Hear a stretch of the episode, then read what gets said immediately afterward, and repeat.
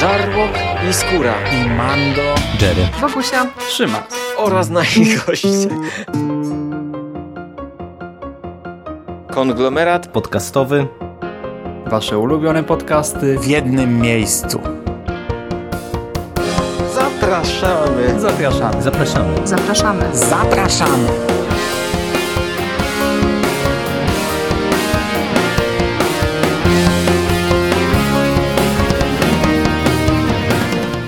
Witamy w przekaście, czyli przekozackim przeglądzie popkultury z przekazem, e, czyli w cyklicznej audycji e, twórców i przyjaciół konglomeratu podcastowego. Ja nazywam się Hubert Spandowski. Dzisiaj ze mną jest e, Rafał Sieciński, czyli SIK. Witam Cię bardzo serdecznie. Cześć. Cześć Mando, witam wszystkich słuchaczy. No i dzisiaj po długiej przerwie, w zasadzie jeżeli, mówimy o takim e, klasycznym przeglądzie newsów, no to po bardzo długiej przerwie e, siadamy do, no do właśnie takiego klasycznego przekastu. E, przyjrzymy się kilku newsom, które pojawiły się gdzieś tam na przestrzeni ostatniego, nie wiem, miesiąca, nie, ostatniego czasu. Kilku newsom, które gdzieś tam nam się zapisały w pamięci, o których mamy może trochę więcej do powiedzenia. I zaczynamy od e, szokującej informacji. Otóż e, Disney ogłosił, że przez następne 3 lata świąt nie będzie.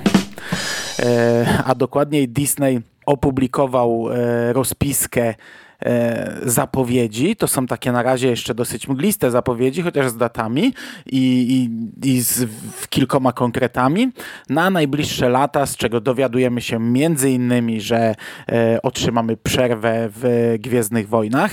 E, po dziewiątym epizodzie będą trzy lata przerwy, następnie filmy będą wychodzić co dwa lata. Dowiadujemy się mniej więcej, ile Marveli będziemy dostawać rocznie. Tutaj nie znamy jeszcze tytułów, nie znamy żadnych konkretów. E, dowiadujemy się, ile awatarów jest zaplanowanych, to już w ogóle jest jazda, jazda po bandzie. Dowiadujemy się, że Indiana Jones 5 jest dalej w zapowiedziach i tak naprawdę to chyba, jeżeli chodzi o takie konkrety, które mnie przynajmniej interesują, to wszystko. Tak ogólnie, bo zaraz przejdę do szczegółów. Disney dał rozpiskę do 2017 roku i E, mnie zaskoczyła jedna rzecz, bo nie zaskoczyły mnie tak bardzo Gwiezdne Wojny. Ja rozumiałem, że chyba będą chcieli zrobić jakąś przerwę większą. Na pewno będą przecież seriale na Disney mm. Plus, więc to nie będzie tak, że będzie w ogóle publika odcięta od Gwiezdnych Wojen na ten czas. Podejrzewam, że będą właśnie rozwijali na swojej platformie jakieś mniejsze projekty. Może zobaczymy kurczę bladę tego Hanna Solo w jakiejś takiej właśnie serialowej odsłonie. Byłoby fajnie, żeby te wątki, które tam były rozpoczęte, te postaci miały dalsze, dalsze losy pokazane właśnie gdziekolwiek, nie? I e, nie tylko w książce, tylko właśnie na jakimś ekranie, żeby ta, ta magia mm, tego świata była pokazana i no co mnie zaskoczyło jeszcze tak chyba najbardziej, to że zawsze y, MCU jak wchodziło, no to oni zapowiadali całą fazę, jakie filmy będą y, i tak naprawdę tylko poza Inhumans to mieliśmy bardzo takie podejście, wiesz, yy, po linijce, czyli odhaczane były te filmy, które były zapowiedziane. Tutaj mamy po prostu yy, na 2019 podany, mamy podanego Spidera, znaczy nawet właściwie nie mamy podanego Spidera, ale mm, ale lekarza go nie ma chyba na tej rozpisce. I tylko tytuły, yy, że nienazwany film Marvela, tak? Co, co mnie dosyć mhm. mocno zaskoczyło, że ta cała czwarta faza jeszcze, jeszcze jest w powijakach, jeszcze chyba nie jest, nie wyklarowała się, nie jest jeszcze gotowa.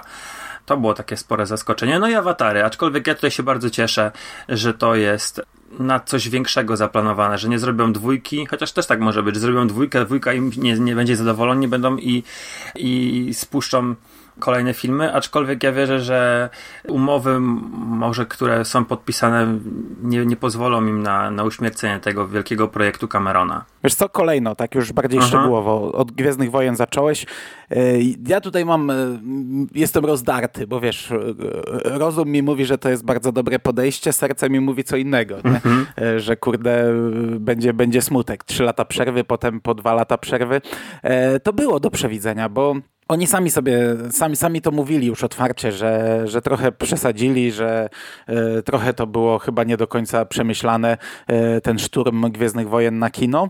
Mm, Kathleen Kennedy po Star Wars Celebration, e, bo, bo gdy z Jerem omawialiśmy Star Wars Celebration, to tam nie padło nic na temat przyszłości Gwiezdnych Wojen, ale dosłownie jak skończyliśmy nagrywać ten, ten przekaz, to pojawiła się gdzieś tam informacja, gdzie Kathleen Kennedy potwierdziła, że będzie długa przerwa po dziewiątym epizodzie i ja się w sumie cieszę, że, że kończą na razie z epizodami, bo od, od zawsze mówiłem, że przynajmniej 10 lat dać przerwy. Na, Mhm. Jeśli będą się zabierać, wiesz, za dziesiątkę, jedenastkę, dwunastkę, to przynajmniej 10 lat niech obecne pokolenie e, dorośnie, niech e, narodzi się nowe pokolenie, które wychowa się na nowej, na nowej trylogii kolejnej. Do tego aktorzy z obecnych filmów niech się zestarzeją troszeczkę i będzie można ich fajnie wykorzystać. Będzie można wcisnąć takich naprawdę bardzo starych aktorów, którzy jeszcze tam powiedzmy zostaną e, z poprzednich filmów, wykorzystać aktorów z prequeli, to już niekoniecznie do epizodów, bo to trochę, trochę by się w, cza w czasie rozjeżdżało. Z tej nowej trylogii już tak, tych starych aktorów no nie będzie, bo nie oszukujmy się. No, no, no, to jest, no, to jest no. młoda ekipa. No, Lu, ten Ale nie, no, może być ale- no, trochę ale- starszy, ale... No, no ale wiesz, za 10 lat to już będzie różnica, więc No jak tak, za 10 będzie, lat będzie, zaczną robić nową, nową trylogię, to mogą sobie, mogą wcisnąć Po, mogą wcisnąć Daisy, mogą wcisnąć Fina i oni, to będzie widać e, dużą różnicę. 10 lat to jest sporo e, zazwyczaj, bo dzisiaj powiemy może kilka zdań o Beverly Hills 90-210 i okazuje się, że kilkadziesiąt lat dla niektórych to nie jest sporo. E, no ale, ale wiesz, ale wiesz o co mi chodzi. Mm, Chcę, żeby była przerwa od epizodów i teraz wiemy, że te trzy filmy, które są zapowiedziane, wszystkie trzy na grudzień, e, 2022, 2024 i 2026, wiemy już, że to będzie trylogia panów od e, Gry o Tron. No i jak właśnie na to się zapatrujesz? Cieszysz się, że to, to oni akurat będą robili tę trylogię? Ja, wiesz, wiesz, jak ja znam średnio grę o Tron, nie? Okej, dobra, chyba bardziej się cieszę niż e, gdyby to miała być trylogia Ryana Johnsona. Nie to, żebym ja go krytykował jakoś szalenie mocno, ale Ryana Johnsona już widziałem. Już jego interpretację Gwiezdnych Wojen widziałem. Teraz mogę, mam, mam szansę dostać e, interpretację kogoś innego. E, co prawda nie wiadomo, co z tą trylogią Ryana Johnsona. To jest, e, czy, czy to już zostało całkowicie skasowane? No, no, najprawdopodobniej do 2026, e, a nawet później nie zobaczymy, więc, więc pewnie jest skasowane. Ja nie wiem, e, jak wygląda praca tych ludzi i, i czekam, spoko, wiesz, cieszę się, że to będzie trylogia. E, To nie będą epizody, ale że to będzie jakaś większa historia, bo e, będzie na co czekać, nie? Dostaniemy otwarcie, środek, zakończenie, dostaniemy taką namiastkę epizodów, więc fajnie. Co prawda w internecie już się widzi zmianę frontu, bo to tak internet działa, że e, krytykuje się to, co jest aktualne, a to, co się krytykowało tydzień temu, i, a już nie jest aktualne, to teraz jest super. I, i już Ryan Johnson już tam gdzieś odchodzi w cień, za, za pięć lat pewnie będą go chwalić, a już tu się krytykuje, bo wiesz, ostatni sezon gry o Tron to taka kupa, że się w pale nie mieści, oni zniszczą nam Gwiezdne Wojny, więc już, już też przebija powoli to i pewnie będzie przebijać coraz mocniej. E, ja jestem na tak, no trochę szkoda mi tych spin-offów, bo już wiadomo, że te spin-offy chyba wypadły. No skoro nie ma ich w zapowiedziach, to chyba tego nie będzie. A, a, jednak ostatnie, ile to już, pięć lat pokazały, że spin-offy były najlepsze z tego, co nam Tak, e, ja tak Disney uważam zaserwował. No. Ja też tak uważam. Dostaliśmy dwa filmy e, z worka A Star Wars Story i to były najlepsze filmy. Może dlatego, że ja bardzo lubię właśnie takie klimaty, jakie były pokazane, wiesz, e, w tych dwóch filmach, czyli w Rogue One i w Solo. Podoba mi się ten świat, bo dla mnie Gwiezdne Wojny to jednak jest kurczę blade prowincja, nie? Ja lubię te właśnie Tatooine, te wszystkie takie mniejsze planety, mniejsze skale. Mm, nie jestem jakimś gigantycznym fanem bitew gwiezdnych, więc yy, chociaż no w Rogue One była, no ale e, trochę było, ale nie, nie o to mi chodzi. Chodzi mi o to, że br- bę- wiesz, chciałem zobaczyć na przykład bardzo Hanna, y, Hanna Solo dalsze losy. Mówię, może pokażą to w serialu. To by się nadało. Jest Mandalorian, może gdzieś wczepią te postacie, bo nie wiem, czy kon- konkretnie będziesz miał na przykład historię Hanna Solo w serialu, tak wiesz, nazwane. E, na przykład tam, wiesz, z, z kantyny Mos Eisley, na przykład Han Solo sobie siedzi, wiesz, e, i opowiada bajki, jak, jak, jak to z Lando latali po galaktyce, bo mogłoby takie coś być, ale nie sądzę, żeby to było. Teraz się już inaczej kręci seriale. Nie, nie robi się tak epizodycznie, że każdy, każdy odcinek to jest nowa przykład, tylko raczej mamy ciągłość taką, wiesz, fabularną. Jak młody Więc- Indiana Jones by siedział, by siedział Han Solo No. i opowiadał historię. Dokładnie, dokładnie coś takiego, ja bym to widział, ale to bym widział 15-10 lat temu też takiego zrobienia. Teraz już nie, nie ma szans na taki serial. Natomiast yy, wierzę, że w tym Mandalorianinie można by było na przykład przemycić te postaci, które, bo to też się dzieje w podobnym okresie czasu, prawda? To się dzieje pomiędzy trzecim a czwartym Nie, nie, epizodem. nie, nie, nie, nie, nie, po, nie, po, nie. po To, szóstym? To jest po szóstym, kilka lat Aha. po szóstym. Aha, okej. Widzisz, Ale z ten- kolei, no właśnie to ci miałem przerwać, bo Cassian Andor, co prawda to nie ma jeszcze tytułu, no ale będzie serial o No tak, to się Cassianie dzieje Andorze, to jest bardziej, także wszystko to, co mówisz, to jest e, prawda, tylko że tytuł tutaj by trzeba podmienić. W Cassianie Andorze jak najbardziej można teraz się bawić tymi dwoma spin-offami, bo Mhm. te dwa spin-offy dzieliło jakieś, dzieliło jakieś tam 10 lat, powiedzmy. Rogue Mhm. One siedział zaraz przed czwórką, Han Solo chyba 10 lat przed czwórką, Cassian będzie siedział gdzieś pomiędzy i bez problemu można teraz powciskać, pokazać jak, e, jak Maul buduje swoje, swoje, m, swój syndykat zbrodni, pokazać nawet jakieś tam wcześniejsze losy Hana, gdzieś połączyć to z e, młodszymi wersjami bohaterów z Rogue One, to jest do zrobienia, bez problemu. E, Nawet powplat, wple, wplecione jako, jako epizody. Ja, ja liczę, że to będzie wykorzystane, bo jeśli nie w kinie, no w kinie mm, już nie będzie, to skoro mamy serial o Kasjanie, konkretnie o bohaterze Łotra 1, no to liczę, że będzie, będą powciskane jakieś rzeczy, które Mhm. gdzieś tam miały budować tę historię filmową może. Byłoby super. Natomiast Mandalo Mandalorian to zupełnie inna bajka, nie? Mandalorianin. Mhm, ale tu może znowu będziemy mieli ten, miał być przecież film głośno zapowiadany o Boba, o Boba więc może w Mandalorianinie pojawi się Boba Fett i tutaj wiesz, No tylko, że wiesz, przypominam, że na chwilę obecną w nowym kanonie Boba Fett nie został jeszcze ożywiony. Nie? W starym kanonie on żył tam dziesiątki lat po powrocie Jedi, a na chwilę obecną w nowym kanonie nie wiemy co z Bobą Fettem. On na chwilę obecną traktuje się, że zginął, w, w, e, że Sarlak, Sarlak go zeżarł, nie? Więc w Mandalorianinie raczej nie sądzę, żeby, żebyśmy dostali nagle taką, ta, ta, taką rzecz, ale kto wie, to zobaczymy, nie? Finał ale pierwszego sądzę, bo sezonu.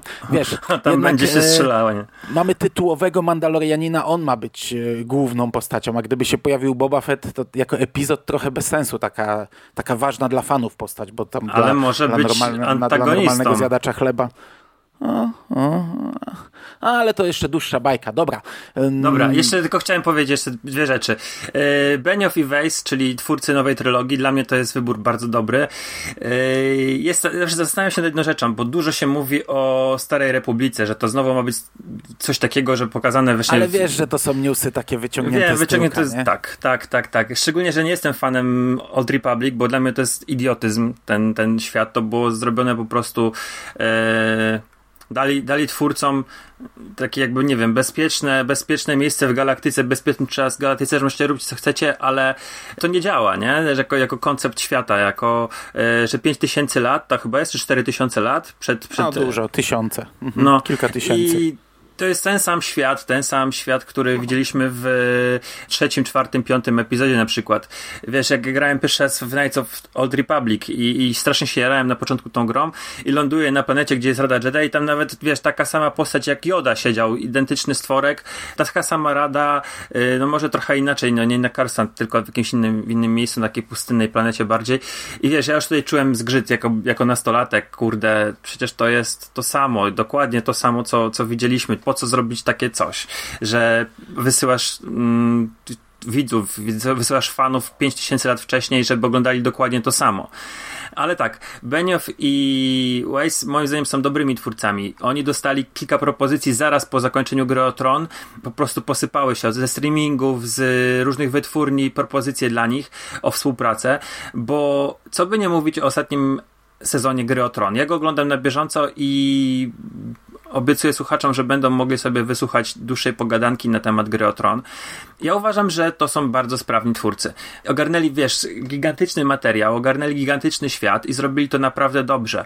To, że jak kończą pewne wątki, może się podobać albo nie, ale tak zazwyczaj jest, że te ostatnie sezony y, długich serii są kontrowersyjne dla wielu, bo ludzie się przyzwyczaili, mają swoje wyobrażenia i tak dalej, i tak dalej. Ja bym chciał zobaczyć ich trylogię, wiesz, taką bardziej stąpającą po ziemi, ale z Jediami. Naprawdę chcę No, zobaczyć rycerzy Jedi, potrzebuję tego jako fan, bo mm, wiesz, można wiele rzeczy na, narzekać na te pierwsze, na prequele, tak? Na trylogię pre, prequeli Lucasa. E, można wieszać na niej psy, że tam masa rzeczy głupich, podyktowanych zabawkami i tak dalej. Mówię to oczywiście na przykład o Jar Jar Binksie, ale pokazali tych, wiesz, ten zakon Jedi, tych wielkich wojowników, wiesz, to, że oni mieli jakieś takie wymyślne te, te choreografie walk, e, można teraz krytykować z perspektywy czasu, że tak się nie walczy na miecze, ale kurde, to działało na wyobraźnię, jak mnie jako nastolatka. Wiesz, jak ja miałem w ósmej klasie podstawówki, byłem jak wchodził mm, pierwszy epizod i ja strasznie żyłem tą walką, wiesz, Queen Gonjina, Obi-Wana i, i Maula. I chciałbym to zobaczyć znowu. Chciałbym zobaczyć, wiesz, wielkie pojedynki na miecze świetlne, wymyślne choreografie, ginących mm, bohaterów, yy, przeżywających jakieś naprawdę wielkie, podniosłe chwile, a jednocześnie zaraz później spadających na dno. No ja po prostu tego, tego oczekuję. Powinni mi to, znaczy nie powinni, bo to nie jest takie żądanie, ale jako fan naprawdę jestem tego bardzo głodny. E, ja się zgadzam tutaj w 100%. Uważam, że Disney za bardzo zachłysnął się klimatem starej trylogii, za bardzo zachłysnął się tym, że wiesz, przez lata prequele były krytykowane, że nikt ich nie chciał, nikt ich nie lubił, a wszyscy, wiesz, byli ślepo zapatrzeni w e, starą trylogię i za bardzo w tych nowych filmach tym się zachłysnął. E, kurczę, za chwilę mija 20 lat od Mrocznego Widma, w tym miesiącu, za kilka dni dosłownie i na tym wychowało się całe pokolenie, które teraz to są dorośli ludzie. Ja też krytykowałem nową trylogię strasznie kiedyś, a teraz ją doceniam. Teraz wiele rzeczy mi się podoba w tych filmach i tęsknię też za takimi Gwiezdnymi Wojnami. To jest już dla mnie nieoderwalna część tego uniwersum.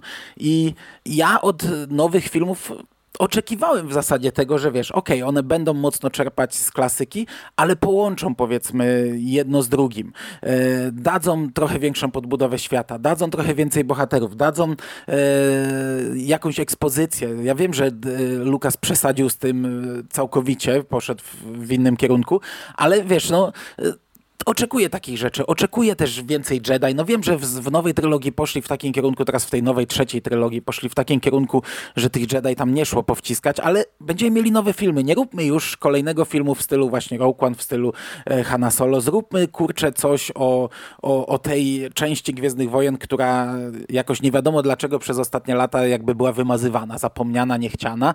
Ja też na coś takiego czekam. E, to niekoniecznie musi być, tak jak mówię, Stara Republika, bo ja się też z tobą zgadzam całkowicie, że to było bez sensu. To się oczywiście, ja, ja, w gry może nie grałem zbyt wiele, tam liznąłem dosłownie tylko Kotora, ale wiesz, te trailery Tora czy, czy no, tego The, The Old Republic były fantastyczne, te, te cinematiki i, mhm. i to oglądałem wiele razy, bo to było świetnie zrobione, no ale głupie, nie? No, mija 4000 lat, to znaczy cofamy się 4000 lat, e, nic się nie zmienia, w zasadzie jest, jest bardziej napakowane wszystko niż teraz.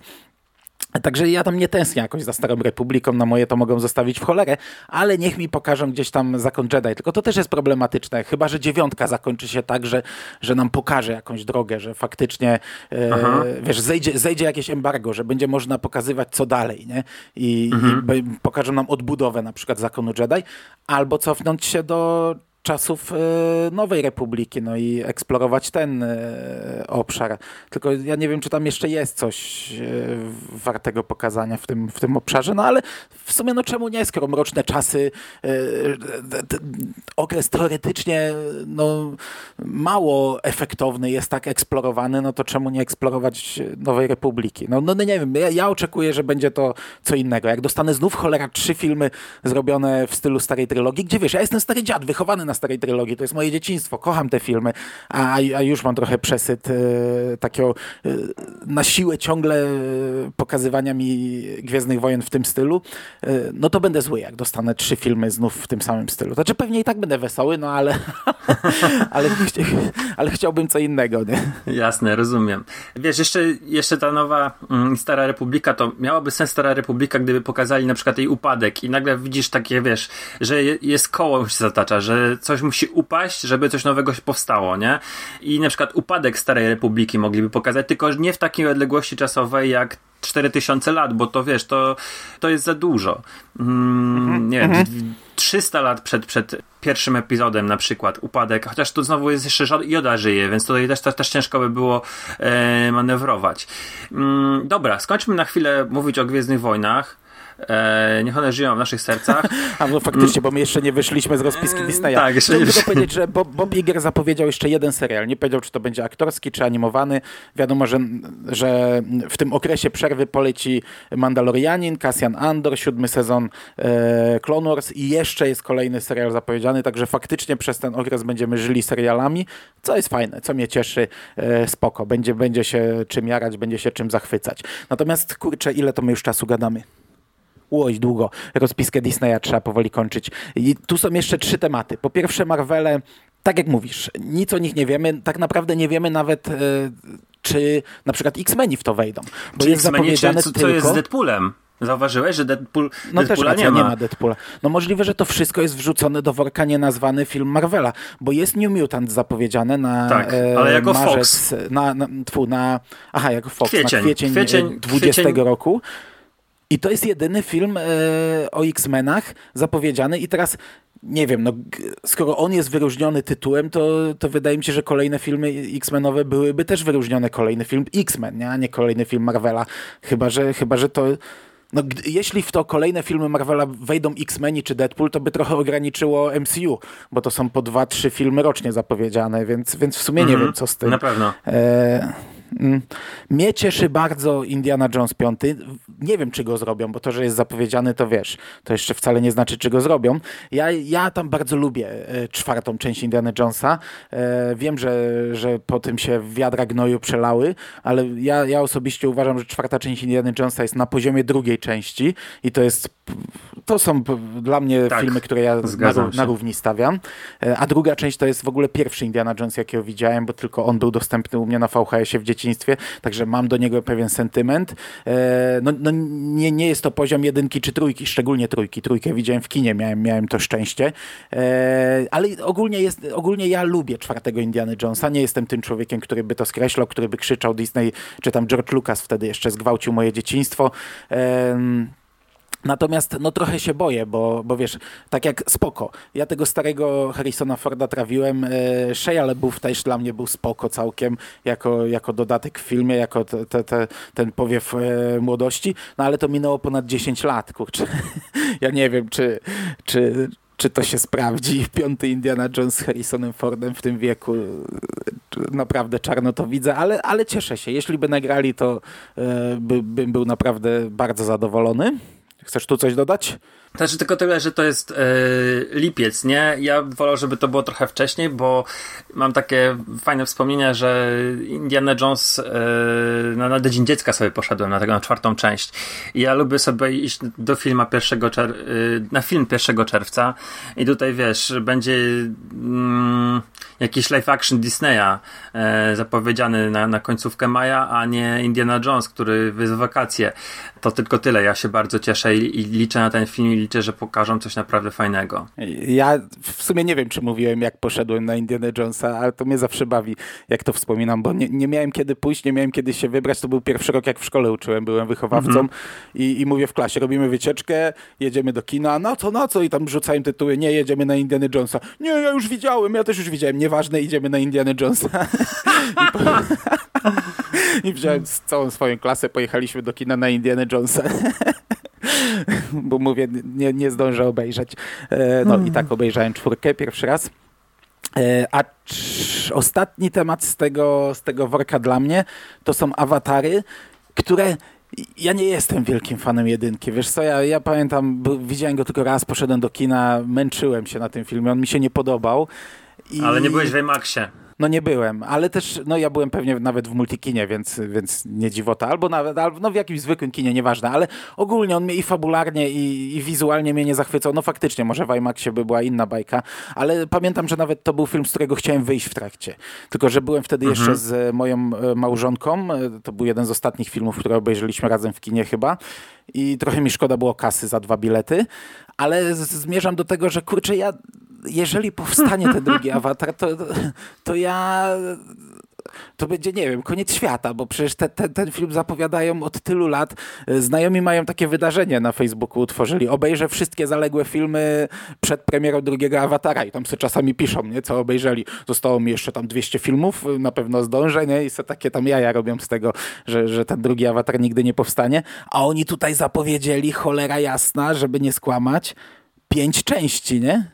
Sześć, czy pięć, pięć do szóstej. Sze- Nie, do piątej, masz rację, do No, piątej, no. na Do piątej, do ostatnie piątej, dwa lata, cztery bo, filmy. Bo, no, bo na 2016 i 2000, 2026 i 2027 to jest tylko po jednym filmie podane i właśnie na 2027 jest Avatar 5 podany.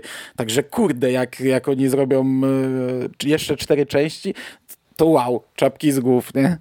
Przez tyle lat cisza, teraz nagle, nagle pierdykną. Tak, ale wiesz, ja, ja Awatara bardzo doceniam, bo on e, to był, wiesz, krok milowy, jeżeli chodzi o efekty specjalne i co najciekawsze, wiesz, e, taki, to jest taki benchmark, czyli inne filmy mogą sobie, wiesz, można porównywać z tym filmem, jakie mają efekty specjalne i co naj- najśmieszniejsze, minęło tyle lat od premiery jedynki i właściwie tam jest cały świat wygenerowany komputerowo i bardzo ciężko znaleźć coś, co by dorównywało w jakimkolwiek aspekcie. Poza tym wprowadził nowe technologie, te kamery IMAX-owskie, tak? To 3D, o, to, to w ten sposób wyświetlenia obrazu. Ja jestem entuzjastą nie fabuły, ale tego wykreowanego świata. Ja lubię właśnie jak, jak coś, coś żyje i tam poza tym ta, ta, ta, ta, mm, te efekty, te, te postaci, one, one się czuje, że one są naprawdę zrobione jak prawdziwe. Przynajmniej ja takie odnosiłem wrażenia. Widziałem ten film trzy razy. I ja liczę, że wiesz, Cameron to jest gościu, który wymyślał naprawdę niesamowite rzeczy. Ja go, jego pracę śledziłem, wiesz, od momentu, kiedy on tam pracował u Cormana i, i robił Galaktykę Terroru i on e, miał genialne pomysły, jeżeli chodzi o, o efekty praktyczne, a później już jako efekty komputerowe. No przecież T-1000 no to jest, kurde, film z, e, Terminator 2 jest z 92 czy 91 roku, a T-1000 nadal wygląda zajebiście. To No. jest, to jest niesa- niesamowite, jak, jak wiesz, jaką trzeba mieć głowę, żeby coś takiego zrobić. E, tak samo mechatronika z pierwszego Terminatora. Kurde, no to, to już to, ta, ta poklatkowa animacja już trochę się zestarzała, ale w ogóle sam robot ekstra, nie? E, dlatego ja je- jestem bardzo ciepło nastawiony do tych filmów, ale jeszcze jeden temat chciałem z tobą poruszyć, bo jesteś ojcem i taki wiesz, cały wysyp filmów live action jest dla, dla dzieciaków, czyli będziemy mieli, no teraz mamy premierę zaraz yy, Alladyna, ale mamy też aktorskiego Króla Lwa, Maleficent, drugą część yy, i tak widzę, sobie popatrzyłem na, na tą rozpiskę i z tego co widzę, to Disney bardzo mocno postawił na, na te, na te przeniesienie animacji na filmy aktorskie. Jak ty się na to zapatrujesz? Będziesz chodził z córką, będziesz chciał jej to pokazywać, czy, czy raczej, raczej będziesz chciał pokazywać jej klasyczne animacje? Raczej nie wiem, wiesz, wczoraj byłem w kinie, widziałem trailer Aladyna, pierwszy raz ten trailer widziałem i, i ja tego nie chcę oglądać. Nie chce mi się iść z córką i, i patrzeć na, na, na to przez półtorej godziny. Eee, wiesz, no, ja nie mam takiego sentymentu. W sumie wolałbym oglądać animacje, bo przynajmniej sam bym sobie większość z nich w końcu obejrzał i, i obejrzałbym to, wiesz, razem z dzieckiem. Eee, nie wiem, no ja nie wiem w jakim kierunku to pójdzie. Teraz e, to już jest ten wiek, że to się sz- szybko zmienia, szybko rozwija. Wiesz, ja jej nie ciągnę w tym kierunku, więc nie wiem, czy ona sama w tym kierunku pójdzie. Myślę, że, że prędzej za kilka lat to zaczniemy na superbohaterskie rzeczy biegać, e, niż na tam, nie wiem, Króla Lwa. Także zobaczymy, zobaczymy, co przyniesie, ale na chwilę obecną nic mnie nie ciągnie i, w sumie mam nadzieję, że to nie pójdzie w tym kierunku, bo mi tam się nie chce oglądać ak- aktorskiego Króla Lwa i tak dalej. Dumbo. No, też mi się totalnie nie chce, chociaż e, w dzieciństwie uwielbiałem akurat animację, jak byłem dzieciak, to e, akurat Dumbo oglądałem wiele razy, ale kompletnie mi się nie chce tego filmu oglądać teraz. E, Chociaż młoda tam, jak widziała zwiastuny w telewizji, to tam coś przebąkiwała, żeby do kina, żebyśmy poszli, tylko że ona jak widzi zwiastun tak naprawdę każ, każdej jakiejś animacji, czy, czy czegoś, co dla dzieci, to do kina, do kina, no bo tak ją wychowałem, żeby do kina biegać. To co pozytywnie, dawno nie byliśmy w kinie, więc w sumie trzeba by iść, ale ja nie czuję, nie czuję żadnego, żadnej chęci oglądania tych, e, tych filmów aktorskich Disneya. Serio, no, z większą przyjemnością idę na Barbie. E, to czy dawno nie byliśmy, ale, ale z większą przyjemnością wszedłem, niż jakbym miał iść na, na aktorskiego Dumbo.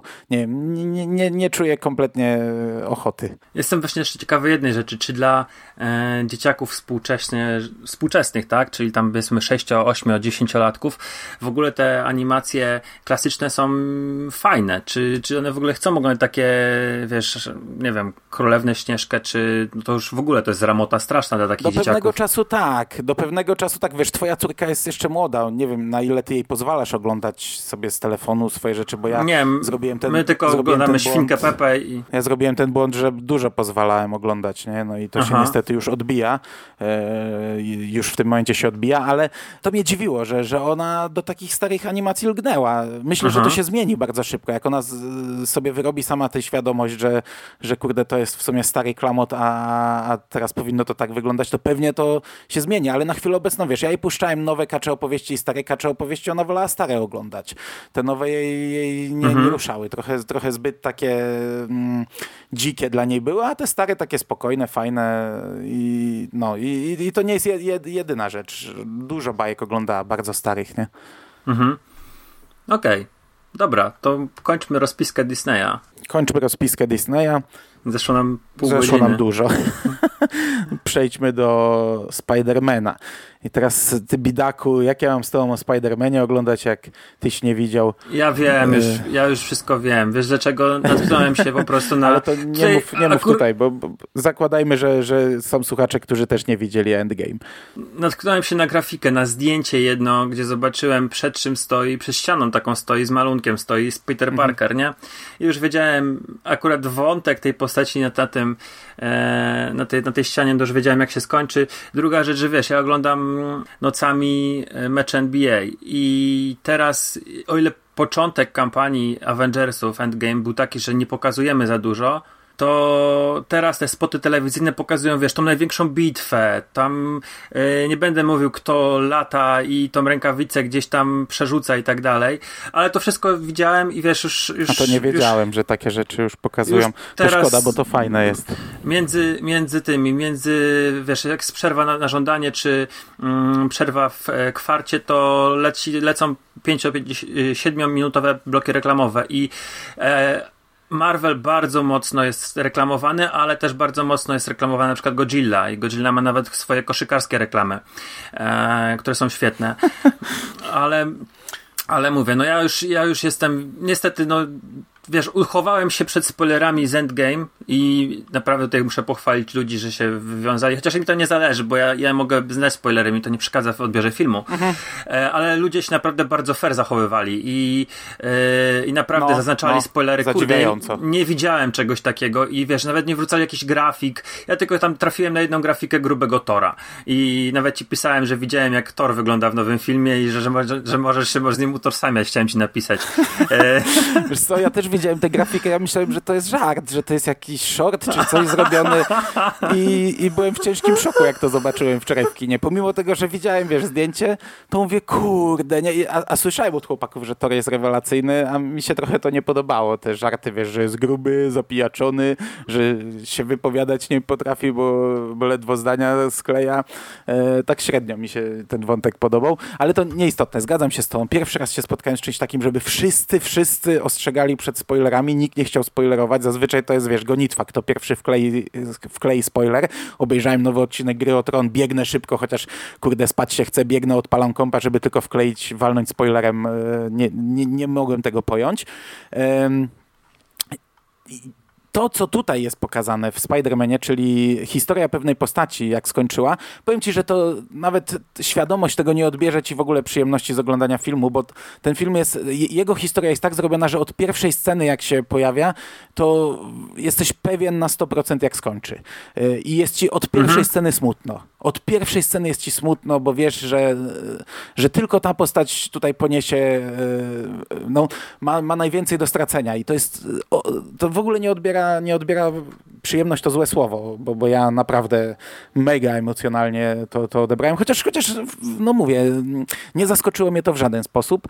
E, jeżeli pokazują tę ostatnią bitwę, to już szkoda, bo to kurde robi pieruńskie wrażenie, piorunujące. To jest w ogóle, wchodzimy na epickość w skali takiej, że coś takiego już chyba nie zostanie powtórzone e, w kinie. Natomiast zanim nas obrzucacie pomidorami, to yy, że wiecie, kręcimy tutaj podcast popkulturowy, przegląd popkulturowy, a ten nie oglądał Endgame. Ja obejrzałem wczoraj Endgame, także też, też yy, długo się uchowałem. No, Sik jest po operacji, nie może wychodzić, a w podcaście, który kręciliśmy o Znaczy już MCU. mogę wychodzić, już chodzę normalnie, tylko wiesz, dla mnie trzy godziny no, siedzenia trzy godziny w kinie, siedzenia no to, w kinie. Mhm. to jest nie, jeszcze reklamy i tak dalej, to jest nie do przejścia i no, No. ja bym musiał, wiesz, wychodzić z filmu, no to nie ma, nie ma sensu. A druga sprawa, jestem na zwolnieniu i ja tak No mówiłem, właśnie, że o tym też mówiłem. Zaczynałem że nie- mówić, że na L4 no, Na L4 nie chodzisz. Przynajmniej tak powiedziałeś w jednym z ostatnich podcastów, co trzeba tutaj uszanować. Ja obejrzałem dopiero wczoraj, e, bo miałem potężny problem, żeby wyjechać. Ja nie mam kina w mieście, znaczy mam małe kino w mieście, ale Avengersów będą grali za dwa tygodnie z dubbingiem, to, to tam olewam coś takiego w ogóle. E, A, a na trz, ponad trzygodzinny film wyjechać, to ja muszę liczyć 5-6 godzin. To wcale nie jest tak łatwo wyrwać się przy dwójce dzieci. E, Zrobiłbym to wcześniej, gdyby nie Prykon i Majówka, bo wiesz, Prykon i Majówka to już było i tak przegięcie z mojej strony, taki wyjazd i, no i nie miałem kiedy się, się wyrwać znowu na, na cały wieczór. Udało mi się wczoraj, dzięki Bogu, bardzo się cieszę, fantastyczny film. Natomiast trailer Spidermana, bo to o nim mamy mówić, e, który też e, fajnie robi, bo na samym początku Tom Holland ostrzega, że będą tutaj spoilery z e, Endgame. Jeśli nie oglądaliście, to, to, to wyłączcie trailer. E, Jeśli oglądaliście, to zapraszam. Też fajna rzecz. E, trailer jest e, fajny. 20 minut wstępu. pokazują dużo. Ja- ja też uważam, że wiesz, mm, podczas nagrywania tego, tego eventu Droga do Endgame mówiliśmy, znaczy ja powiedziałem przy okazji trzeciej fazy, że Spider-Man wchodzi do trzeciej fazy i my tak założyliśmy, że e, to się może dziać przed e, Infinity War, przed wstryknięciem. E, no tutaj już bardzo jasno jest nam pokazane, że to się dzieje po, po Endgame, czyli już, ale jest zamknięciem trzeciej fazy i wprowadzeniem no, czegoś, co, co wielu ludzi uważa, że to jest pic na wodę, że tego, tego nie ma, że to jest wymysł e, Mysterio, Quentina Becka, czyli multiversa, czyli inne światy. I w trailerze Nick Fury mówi, że Quentin Beck jest z ziemi, innej ziemi niż ta nasza. Co, wiesz, te, te, te wiele, wieloświaty Sp- Spider-Manem są bardzo powiązane. Ale to jest już niestety w MCU. Mówię niestety, bo tak jak takie rzeczy sprawdzają się w serialach, w takim Arrowverse się sprawdza, gdzie masz, wiesz, tych odcinków w setki, tak mm, jak dostajesz trzy filmy na rok, to niekoniecznie ja jestem za tym, żeby wprowadzać taki chaos, e, bo to w pewnym sensie jest. Ja nie wiem, na ile to jest spoiler, no ale... Mm, no Endgame w pewnym sensie wytłumaczyło, że wiesz, każda zmiana w czasie powoduje nową linię czasową. Coś jak drugi powrót do przyszłości, nie? gdzie Biff zakosił e, almanach sportowy i teraz, że, że tych, tych wersji e, świata czasu mamy mnóstwo. To, to bardziej na tej zasadzie chyba, nie na, e, nie na multiversum, bo to nie wiem, czy, czy oni mogą sobie przejść z jednej wersji świata do drugiej. Nie mam pojęcia, ale, ale no, już Endgame w jakiś sposób to wprowadziło.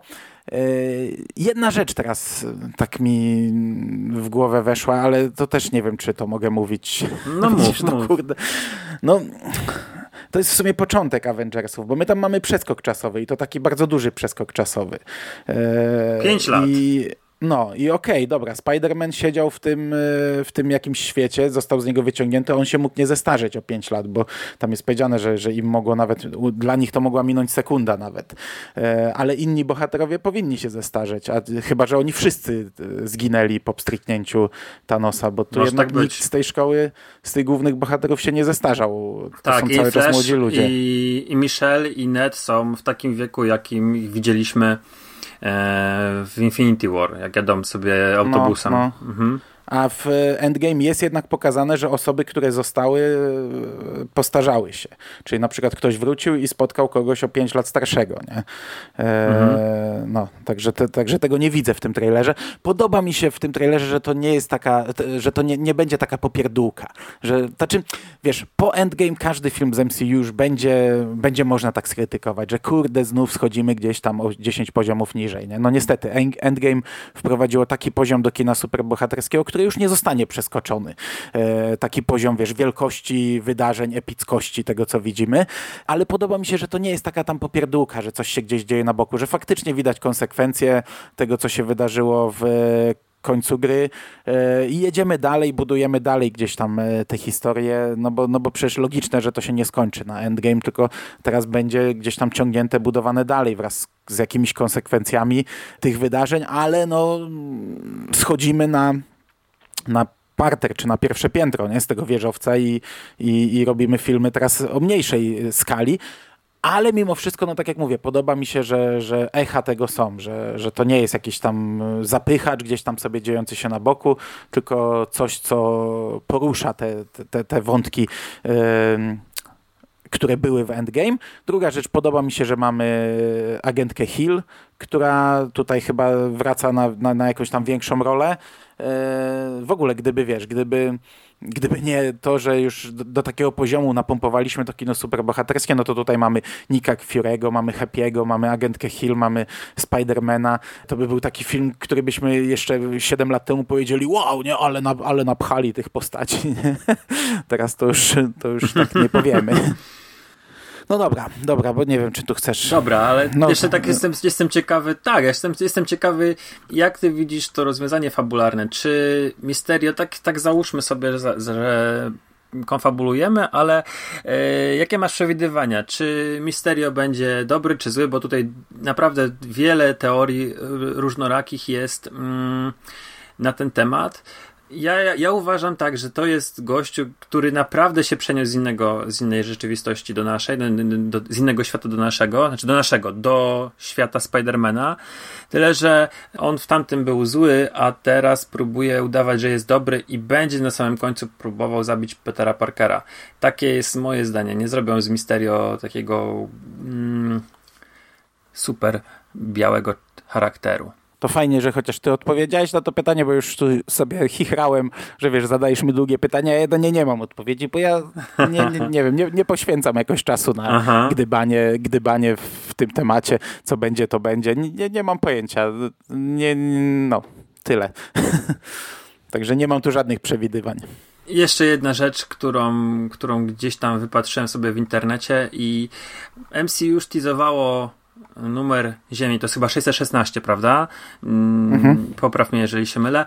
I w drugim torze, jak Selvik jest w psychiatryku i rozpisuje różnego rodzaju wiesz, wyrównania i twierdzenia na tablicy psy, y, tym psychicznie chorym, e, on mówi, że nasza Ziemia jest 616 czyli w torze drugim. Ja nie wiem, czy to jest, wiesz, po prostu dostosowali sobie Spidera do, do tego, co wtedy Selvik mówił i nazwali to tak, jak on mówił wtedy, czy rzeczywiście gdzieś już wcześniej Feiji miał pomysł, żeby to kiedyś wprowadzić i dlatego yy, tam to się wtedy znalazło, yy, tamta scena się wtedy znalazła w filmie. Yy, to tyle ode mnie.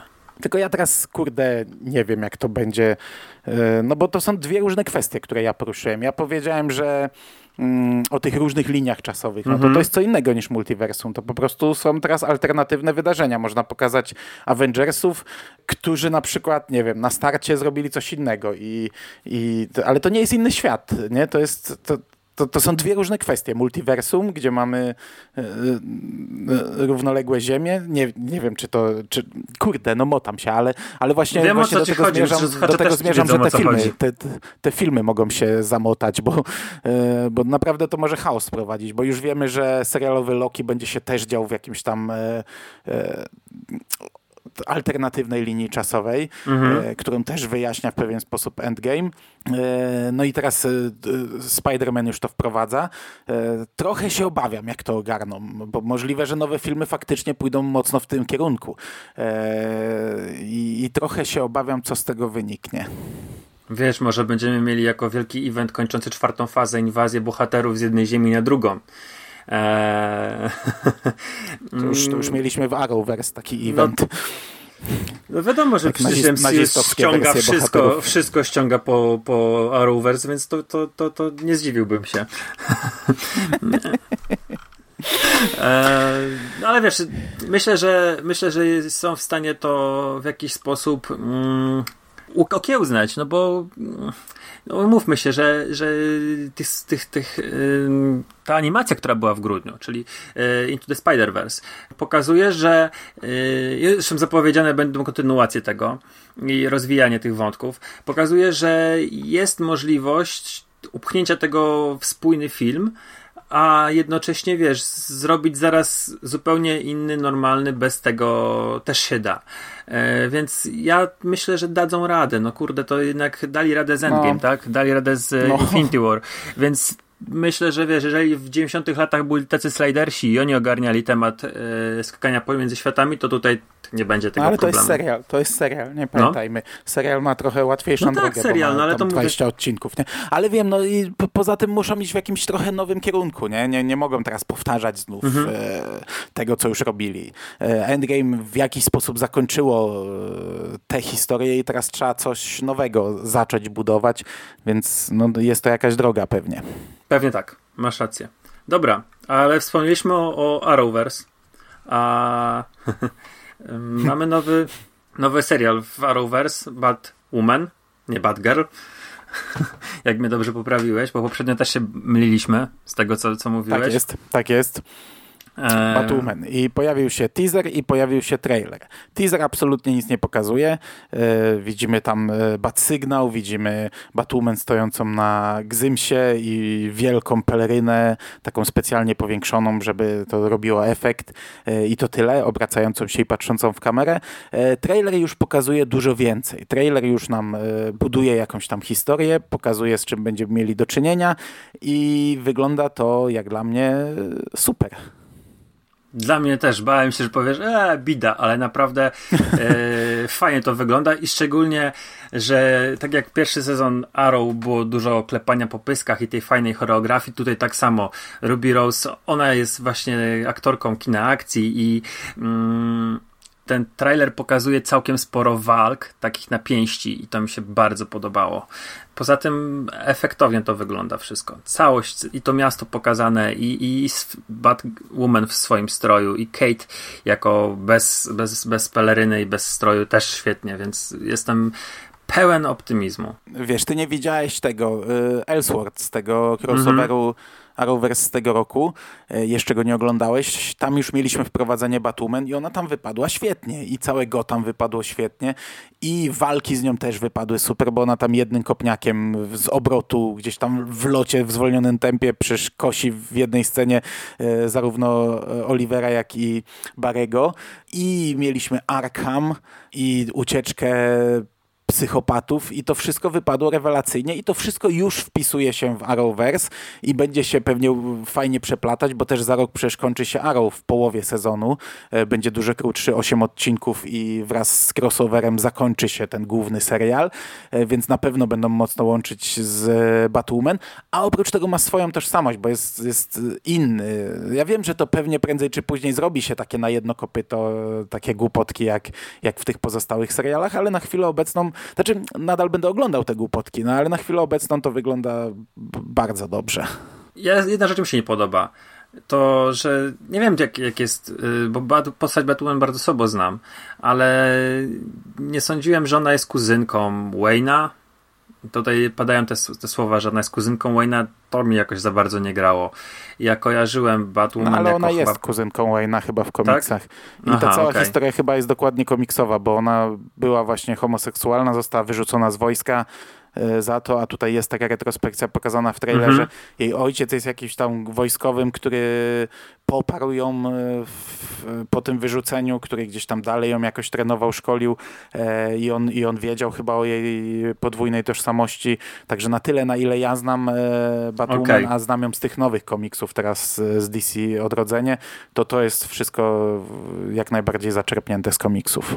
Aha, rozumiem, dobra, dobra. Zresztą tutaj jak ona się pojawiła już w tym, jak ona się pojawiła w Arrowverse, to, to była tam już, wiesz, jako kuzynka, która w, w tym wieżowcu Wayne'ów e, siedzi i, i historia Batmana funkcjonuje w tym świecie, e, jest tam gdzieś jako, bardziej już jako legenda, jako ktoś, kto z, zniknął, e, odszedł z tego świata. Nie, nie ma już Batmana, teraz jest, jest nowa bohaterka w Gotham. Mhm, rozumiem. No dobra, jesteśmy pełni entuzjazmu, bo zapowiada się bardzo fajny e, serial. Nawet się cieszę, że Arrow zamykają, bo wiesz, pięć seriali z jednego uniwersum to już jest, to już by było ciężkie do ogarnięcia. Także nawet, nawet dobrze, niech pozostaną cztery. A legendy lecą jeszcze? Nie pamiętam, czy dostały zielone światło na piąty sezon. Wydaje mi się, że dostały. Wydaje mi się, że chyba Mhm. wszystko dostało z tego worka, także pewnie będą lecieć. Nie wiem jak z Flashem, bo Flash też jest od pierwszego sezonu jest teasowane, że e, Flash ma zaginąć. Nie? W 2021 roku jest ten artykuł w gazecie napisany przez Iris, gazecie z przyszłości, że on ma zaginąć podczas Mhm. kryzysu, a wiemy, że następny event to jest kryzys na nieskończonych jest- ziemiach, Właśnie. który no, zakończy historię gdzieś tam Olivera. E, W tym sezonie Arrow mamy już e, takie jak w Lost. E, nie są retrospekcje, tylko jest pokazana przyszłość. Jest pokazane Star Mhm. City z 2040 i tam na razie nie widać Olivera. Ja nie widziałem jeszcze finału. W sumie zakładam, że oni mogą nas, mogą tego Olivera jakoś pokazać, żebyśmy za bardzo się nie, żebyśmy trochę mieli zagwózdkę, co się stanie. Natomiast Flash też romansuje z przyszłością, bo tam się je- jedna z bohaterek cofa w czasie do dzisiejszych czasów i ona Tak, tak, nam jego dokładnie córka, mówi, no. że, no, że Flash zaginął i to za chwilę zaginie, e, bo tam też się to zmienia, to się przyspiesza wszystko, e, więc kurczę, ten, ten crossover będzie w sumie pewnie wyjaśniał te sprawy.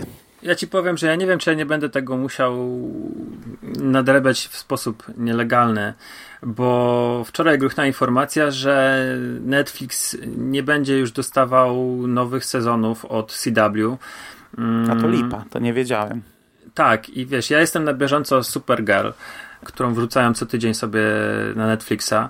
Czekałem, wiesz, na kolejne sezony zawsze tak jak, jak wrzucali, no nie? A tutaj się okazuje, że y, nie ma już umowy i prawdopodobnie, wiesz, to jest, wiesz, zawsze mówią o Stanach Zjednoczonych, więc ciekawe jak jest na resztę świata, prawda? Szczególnie, że y, nie sądzę, żeby w Europie, w Polsce szczególnie, ktoś wykupił licencję i nagle puszczał, wiesz, znowu cały serial. I to może być tak, że wiesz, my dostaniemy kolejne odcinki i my będziemy dostawali, ale w Stanach nie będzie tego. Mm, ale jednak, Może tak wiesz być, co, bo wiesz, w Stanach masz to DC Universe, więc oni będą wszystko z DC pewnie dystrybuować, a na świecie różnie, chociaż już widać, że Doom Patrol nie idzie w Netflixie, a idzie w HBO Go, to znaczy pójdzie za Nie. chwilę, Mhm. e, więc cholera Tak. wie, no, czy, czy ktoś będzie w ogóle zainteresowany Arrowverse, w, dystrybucją Arrowverse w Polsce, bo to też inna kwestia. Dokładnie, no szczególnie, że zostało, no jakby nie patrzeć, dwie platformy, trzy platformy streamingowe, ale takiej mm, stricte, żeby wiesz, żebyśmy mieli do niej łatwy dostęp, no to trzy, trzy, no. No to trudno, musisz nielegalnie. No prawdopodobnie się tak, tak się trzymałeś. skończy. To ci kradzież Arrowverse to prawie jak nie kradzież, to, to tam się powinni cieszyć, że ktoś ogląda jeszcze. Nie, właśnie wiesz, mm, ja to, ja to mówię, najdroższą walutą, chłopie, najdroższą Czasem. walutą, swoim czasem, no. y, szczególnie mówię, ja, ja tylko generalnie potrzebuję to, bo ja odpoczywam przy tych serialach, ale też chciałbym z tobą o tym pogadać i to jest jeden z takich tematów, które wiesz, które u nas się przewijają przez wiele lat i wiesz, głupio z tego wypaść by było, naprawdę e, No. No to myślę, że teraz powinieneś podjąć męską decyzję, oglądam Piracko i za e, trzy tygodnie porozmawiamy sobie o bieżącym sezonie, bo ja właśnie nadrabiam, kończę, kończę skończyłem prawie Arrow, ko- skończyłem prawie Flasha, zaraz nadrobię Supergirl. Legend jeszcze nie zacząłem w tym sezonie, pyknę se te 16 odcinków na raz. Mm. No to ty tam trzy razy więcej masz do nadrobienia, powiedzmy. no jeden sezon Flasha e, i dwa sezony Arrowa i dwa sezony Legend. No to sama przyjemność, nie? Sama przyjemność. Brzmi jak, brzmi jak fantastyczna wiosna. Wiosna się kończy za miesiąc, no to, to No to akurat. Myślę, że zdążę. E, Ale wspomniałeś DC Universe i pojawił się trailer do Swamp Thinga. Taki półtora minutowy, chyba nawet niecałe półtorej minuty materiału. Przy okazji pojawiły się kontrowersje, że twórcy, właściwie nie, włodarze DC Universe skrócili serial, e, ucięli im finał.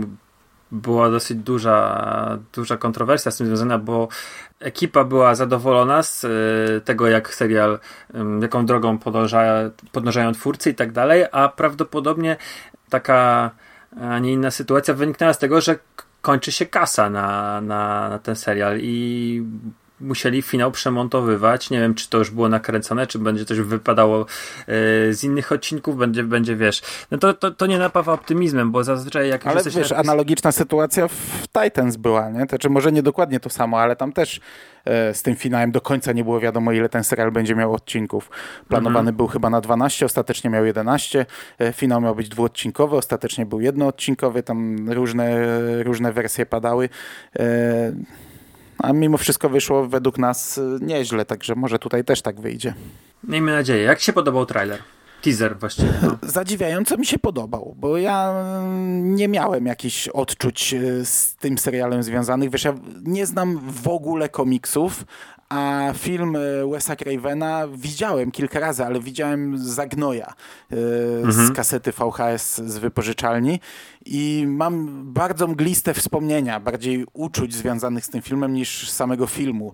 E, I, i wiesz, nie, nie czuję żad, ża- żadne, żadnej sympatii, żadne, żadnego, e, żadnej chęci wielkiej oglądania tego serialu, ale trailer, ten teaser mi się podobał. Po pierwsze, jakoś musiała wypaść mi z głowy informacja, że tam James Wan jest producentem tego serialu i widać, znaczy przebija tutaj horrorowość. Nie mam pojęcia jak jest z komiksami, ale ten teaser jest taki mocno horrorowy, bym powiedział. E, Czasami to wygląda tanio, czasami to wygląda świetnie, ale ogólnie on mnie bardzo mocno zachęcił do oglądania i już niedługo, bo w sumie za dwa tygodnie e, pierwszy odcinek ma premierę, no i Tak. myślę, że na 100% nagramy pierwsze wrażenia z, z tego odcinka. Zgadzam się też, jestem pewien, że nagramy. Wiesz, trailer jest, ja tak odczuwałem, że on jest taki utrzymany w stylistyce klasy, y, kina klasy B trochę, to, to, to, to było czuć takie właśnie horrory tej epoki, lat, przełomu lat 80 i 90 Może to tylko, wiesz, y, moje odczucia, bo ja bardzo silnie mm, jestem przesiąknięty tymi czasami, tamtym klimatem, ale ja naprawdę czułem w tym trailerze właśnie taką estetykę właśnie filmów Cravena, Hoopera, e, tych wszystkich, wiesz, mm, f- horrorów o potworach e, z tamtej epoki. Kurde, no to, to, to zapowiada się naprawdę fajnie i powiem ci szczerze, nie wiem, czy mówiliśmy w zeszłym roku na ten temat przy okazji mm, przekastu o DC w telewizji. Ja chyba się za bardzo nie wypowiedziałem na ten temat i czekałem na... Chyba po macoszemu te zapowiedzi Bardzo, no. potraktowaliśmy. Ale po tym, co zobaczyłem, to chyba jestem najbardziej zachęcony z tych wszystkich seriali z tej platformy na ten akurat, na ten, na ten konkretny tytuł, bo yy, Doom Patrol nie znałem, zresztą przyznawaliśmy się o tym i, i w, w pierwszych wrażeniach i Titans, no to chciałem to zobaczyć, ale to wiesz, no nie było jakiegoś takiego wielkiego parcia, a tutaj jak obejrzałem ten trailer, to kurde, mówię, no niech to, da, niech to dają już, niech to dają, więc jestem, jestem bardzo zadowolony. No ja tu nic więcej nie dodam. Dokładnie tak samo. Czekam. Okej, dobra, to zostawmy na chwilę seriale, zostawmy na chwilę uniwersa superbohaterskie, przejdźmy do innego uniwersum, czyli e, czegoś, co lubimy e, równie mocno, uniwersum horrorowego, uniwersum obecności. Pojawiło się kilka newsów. Po pierwsze, e, dostaliśmy trailer trzeciej Annabelle. Jak mówimy tutaj o małej laleczce, to właśnie wstał mój syn, czyli do końca podcastu już będziemy tutaj e, z nim w tle rozmawiać. Cześć Anabel. Halo, halo, cześć Bruno. On cię nie słyszy. Poja- Pojawił się trailer trzeciej Annabelle, e, która, filmu, który nosi tytuł, mm, żeby nie skłamać, Annabelle, Annabelle Comes Home.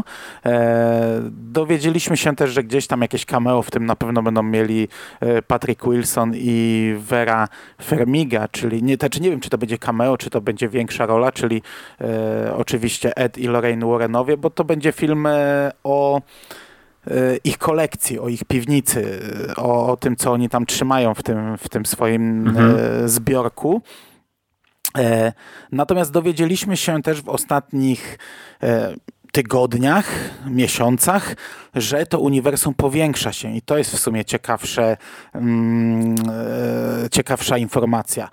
Teraz do kin wszedł film Topielisko, ja nie pamiętam pełnego tytułu, Klątwa... Popielisko, klątwa Lorny. La. Tak jest. Ja jeszcze tego filmu nie widziałem, ale w ten weekend planuję go obejrzeć, bo grają go u mnie w mieście e, wiecz e, w, w wieczornej porze po 20, a akurat mam wolny weekend, to w który dziś, jutro albo pojutrze e, się wybiorę.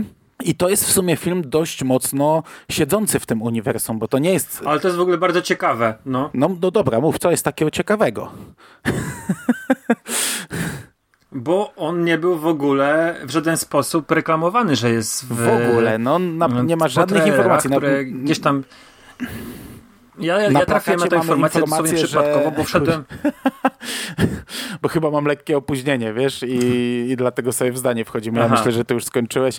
E, Na plakacie jest tylko informacja, że to jest film producentów obecności, nie, że to jest film z uniwersum obecności E, i nigdzie nie ma takich informacji, że to jest uniwersum. Ja trafiłem na tę informację na Wikipedii, kiedy wkleiłeś e, informację o, o trzeciej części obecności i ja sobie wszedłem na Wikipedię i patrzę, że tu jeszcze jest e, klątwa Lalorny. Ja mówię, co to jest w ogóle, wiesz, e, patrzę to pielisko. Ale, ale I to- wiesz co, to dosyć mocno y, siedzi w tym, bo to nie jest tylko tak na doczepkę, że tutaj mamy film i załóżmy, że on jest w y, tym uniwersum, bo tutaj pojawia się postać księdza z pierwszej Annabelle, grana przez tego samego aktora, więc jest, jest to silne połączenie. Jest ten sam bohater, co w jednym z filmów y, do tej pory mocno związanych z resztą uniwersum, więc...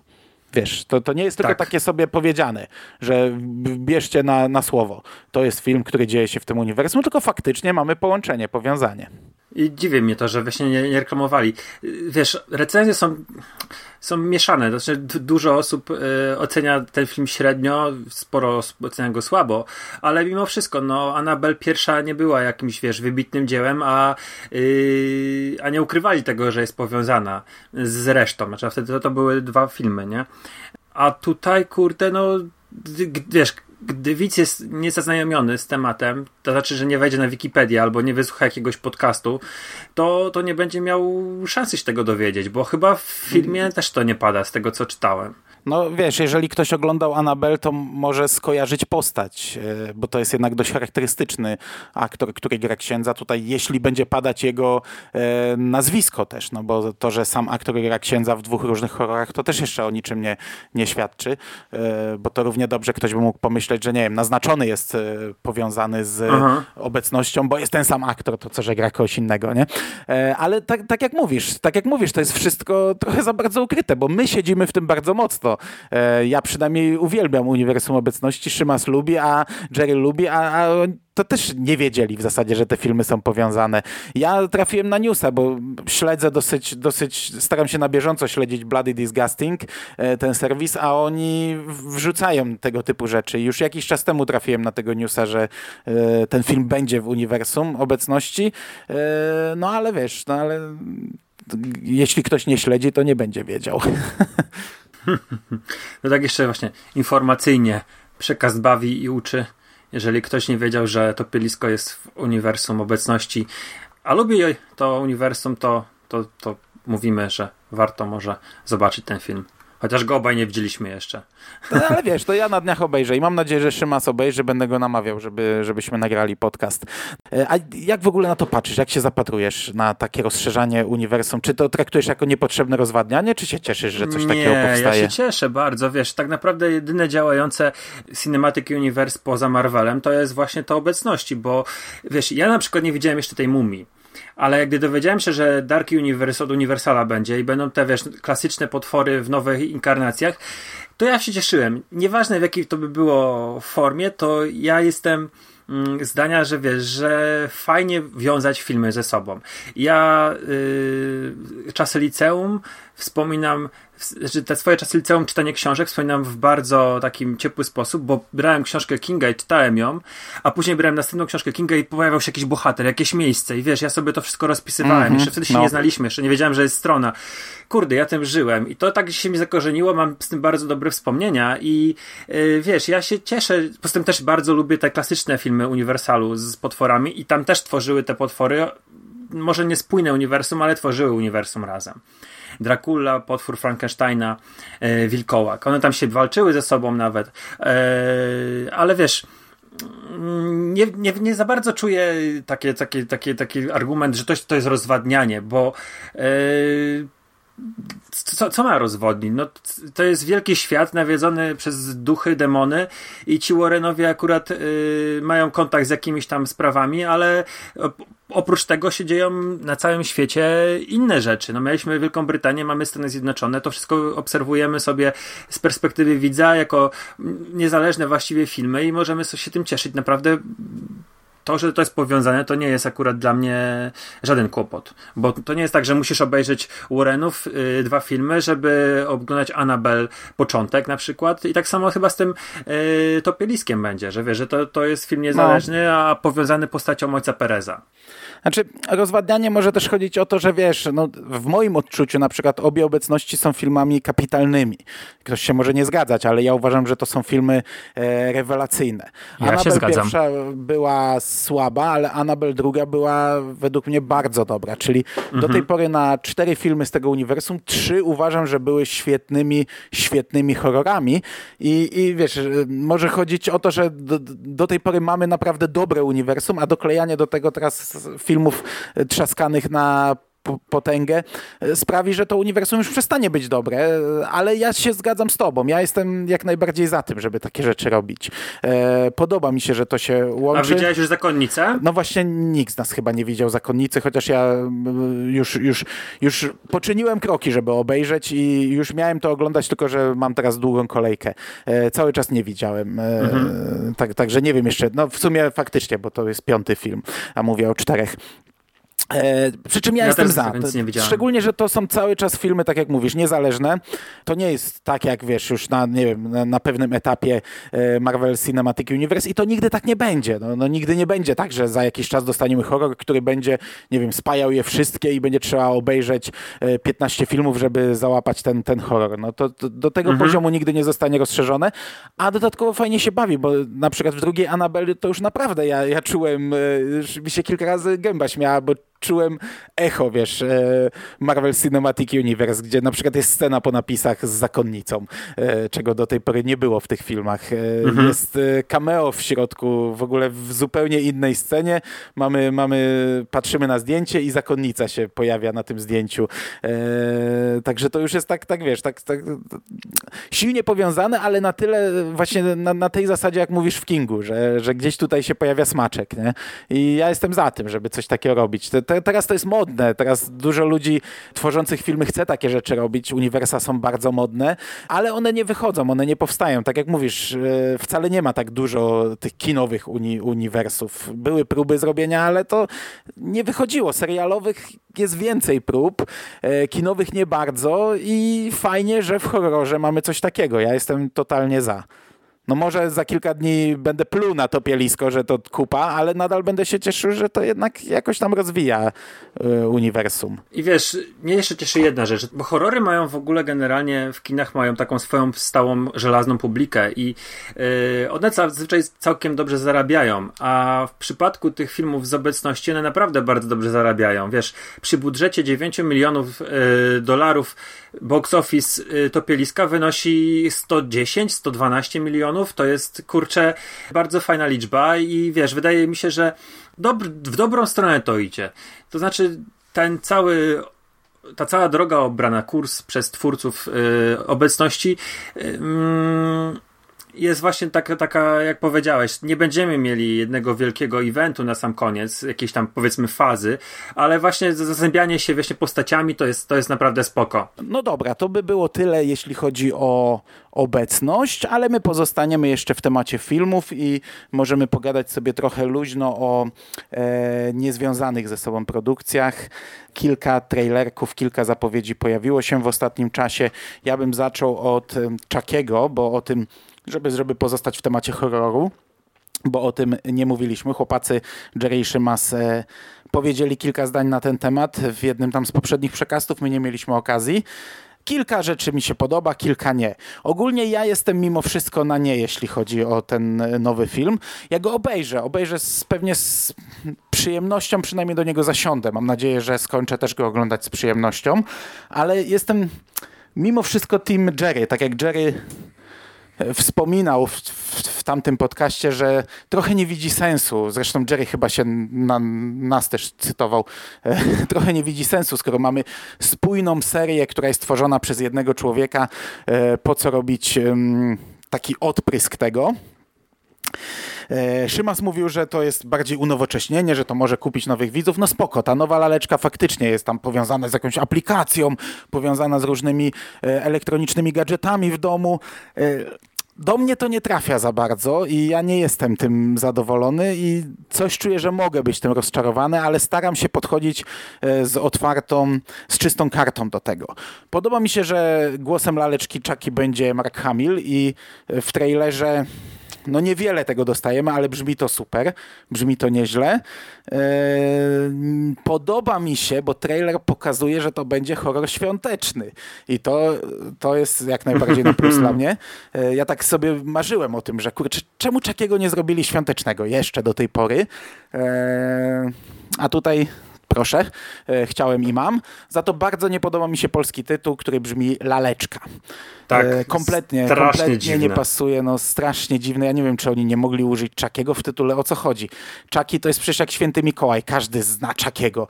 Nawet jeśli nie oglądał filmów, to jest coś tak charakterystycznego, że kojarzy Czakiego i to już się zakorzeniło jako tytuł, no bo wiesz, przez lata mhm. tak naprawdę to nie był tytuł. No mieliśmy Child's, Child's Play i taki sam tytuł jest z tego nowego filmu. E, potem oryginalny tytuł to był po prostu coś tam z Chuckiem, nie? klątwa Czakiego, e, zemsta Czakiego i tak dalej, i tak dalej, no tam e, nieważne, ale problem jest taki, ale że pierwsze dwie części nie, nie, miały nie, Child's Play. E, pierwsze trzy, nie, części, trzy części miały, miały takie. Child's Play, tak. ale po polsku, po polsku to różnie było tłumaczone. Chyba też jako laleczka czaki. E, chyba tylko w, gdzieś tam na, na, Znaczy wydaje mi się, że było chyba dziecięca gra na VHS-ie, a przynajmniej Zwiastun chyba e, taki miał tytuł, ale okay. nie jestem na 100% pewien tego. Tak mi tylko świta gdzieś tam e, coś mi dzwoni w głowie. Natomiast e, problem nawet już nie w nieużyciu tego czakiego, chociaż no to też jest problem, ale samo słowo laleczka absolutnie nie kojarzy się z horrorem i z, e, nie wiem, ja jak słyszę laleczka, to mam trochę inne oczekiwania niż e, brutalnego Czakiego, bo ten trailer pokazuje, że ten film będzie brutalny. W ogóle laleczka to jest taki, wiesz, tytuł mm, mnie się kojarzy z latami 60 50 wiesz, taki, taki film e, nie wiem, z Marilyn Monroe coś w tym rodzaju. Takie, takie Ale to też by była jakaś, nie wiem, laleczka Betty, laleczka Sally, to by był bardziej taki tytuł. No samo laleczka nie pasuje, nie na tytuł. Mhm. Za każdym razem to, to tak jakby dać tytuł miasteczko.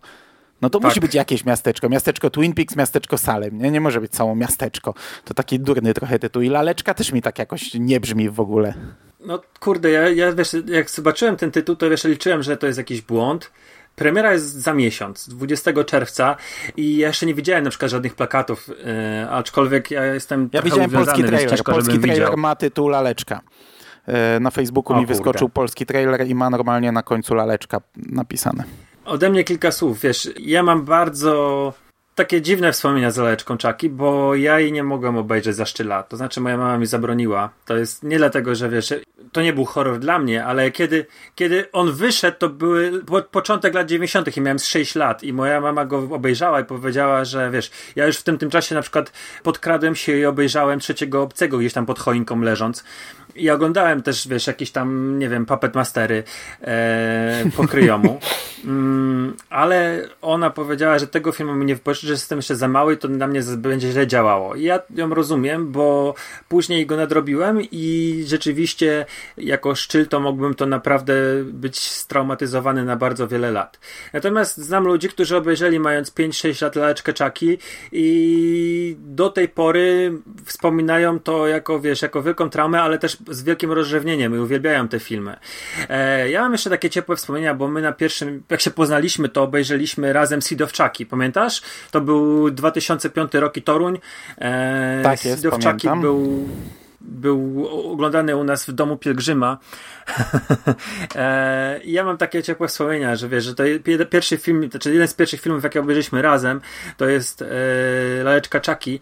Mm, zawsze dobrze, dobrze myślałem o niej, a ta nowa część oprócz tak naprawdę tego głupiego polskiego tytułu ma wiele elementów, które mi się podobają. Po pierwsze, całkiem, znaczy tak, może nie wszystkie, bo chyba Laleczka Czaki jest cała CGI i to nie jest do końca spoko ale główna aktorka, Abry Plaza jest świetna. To jest dziewczyna, która naprawdę e, jest chyba przez wielu niedoceniana. Mm, ona zaczynała w serialach komediowych, w Park and Recreations i była chyba przez, przez wiele osób uważana właśnie za taką aktorkę komediową, ale oglądałem z nią Legion, ten serial o mutantach i ona tam jest, e, nie wiem czy to, nie będę mówił kim ona tam jest, w każdym razie jest jedną z wizji głównego bohatera. Ona jest fantastyczna, jest po prostu, ma rewelacyjną taką cichą charyzmę, ma bardzo fajną mimikę, ma bardzo fajną e, grę ciałem. Uważam, że może w tym horrorze być naprawdę tak, taką może nie, nie, nie główną rolą, główną, mm, na której się skupi uwaga, ale może wnieść bardzo dużo dobrego, szczególnie, że często te, jeżeli mamy film i jest matka i dziecko, to często nie lubisz ani matki, ani dziecka w horrorze, bo dziecko jest denerwujące, a matka jest krzyczącą idiotką albo jakąś taką, która tylko cię wkurza na ekranie. Natomiast wybór Hamila do, na głos Czakiego, wiesz, ja bym, to jest tak, mam taki problem, bo gdyby każdego innego aktora dać yy, na głos Czakiego po Bradzie Durfie, byłbym wkurzony i to byłbym wkurzony niemiłosiernie. Uważałbym, że to jest, wiesz, profanacja. Ale dali Hamila, kurde, który jest yy, dla mnie głosem Jokera i uwielbiam Hamila za Gwiezdne Wojny, za Flasha, za właśnie Batmana. Wielu innych, czego za bardzo nie widziałem, ale, e, ale to jest, to jest, wiesz... E... Ale to wystarczy. Tak, to wystarczy, ale wiesz, to jest. Mam taki mindfuck w głowie. Mówię, kurde, z jednej strony powinienem narzekać, się wkurzać, a z drugiej strony to jest właśnie Mark Hamill, więc to też jest dobry wybór. Trailer mi się podobał. Jestem entuzjastycznie na, na, nastawiony. Naprawdę mam nadzieję, że.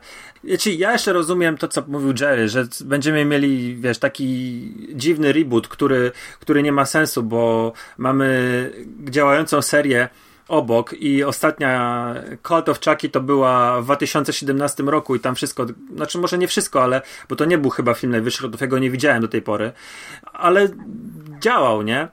Ale może wiesz co, twórcy doszli do wniosku, że to poszło w złą stronę i jednak trzeba to zrebootować i tamten rozdział zamykamy. Nie wiem. No wiesz, tamten rozdział już się dokulał dość daleko. On to raczej jest.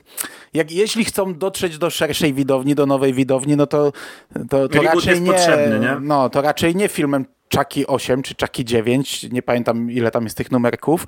E, szczególnie, że wiesz, Chucky też przechodził etapy. Te pierwsze trzy części były inne, potem były dwie komediowe, potem siódemka była już na poważnie. Teraz ostatnio powtarzałem sobie e, siódemkę. Nadal bardzo, bardzo spokoją oceniam. Ósemki też cały czas nie widziałem, właśnie dlatego powtórzyłem siódemkę, żeby obejrzeć ósemkę, bo siódemka z kolei łączyła trochę, wiesz, wątek Tiffany, czyli tej e, dziewczyny Chuckiego z części mm. 4-5 i wątek e, nie pamiętam jak się ten chłopak nazywał, tego chłopaka e, z pierwszej części i wątek Brada Durifa, bo, bo on nie tylko jako głos Czakiego występował, ale, ale też jako postać, nie? Pojawiał się w swojej normalnej postaci i tam w siódemce, siódemka to jest normalnie film, który to, to uniwersum stara się kleić i, i, to, i to stara się to robić, wiesz e, w sumie na całkiem dużą skalę i, i też pokazuje na koniec właśnie tego chłopca trochę jak, jak e, Jamie Lee Curtis z tego nowego Halloween, e, która przygotowywała się na powrót Michaela, to tutaj przynajmniej ja mam takie wrażenie, że w, scenie po napisach, że on przygotowywał się całe życie na powrót Chuckiego i, i chyba, chyba ósemka pokazuje właśnie coś dalej w y, konsekwencje tego, no mówię, cały czas nie widziałem i, i spoko, no ja rozumiem, że, że, że w pewnym momencie trzeba zrobić coś nowego pewnie, żeby dotrzeć do publiczności, albo reboot, albo tak jak zrobił Carpenter, że olał wszystkie sequele i zrobił sequel swojego filmu ale ja nie wiem, czy to do mnie trafi. E, no mówię, no obejrzę, obejrzę z przyjemnością pewnie, ale, ale trochę, się, trochę się obawiam. No i ja jestem wielkim fanem tej serii, ja jestem wielkim fanem tej oryginalnej serii. E, Znaczy, może, może nie wielkim, gdybym był wielkim, to już bym ósemkę dawno obejrzał, ale mam e, naprawdę przez większość życia ciepłe wspomnienia. Bo ja akurat byłem trochę starszy, jak jedynka wychodziła i to był mega oczekiwany film dla mnie na VHS-ie. To było coś, co wiesz, najpierw widziałem zwiastuny na innych filmach i, i, i, i czekałem, szukałem, czekałem, aż to się pojawi w wypożyczalniach. Jak się pojawiło, to, to z mamą no, biegliśmy od razu oglądać, tu nie było żadnego zakazu, tylko że ja, byłem, ja nie miałem 6 lat, a pewnie ze 12, nie? Mhm. No ja wiesz co, ja pamiętam, że wypożyczalni y, druga część była pierwsza, a jedynka gdzieś tam później się pojawiła, ale no ja miałem zakaz. Znaczy zakaz, no ja mam powiedział, że tego mi nie wypożyczy i tyle, no. no i... No ja rozumiem, tak jak mówiłem, każdy z nas przeżył taką historię. Ja tak miałem z Evil Dead. Jedyny mój zakaz w historii horroru chyba.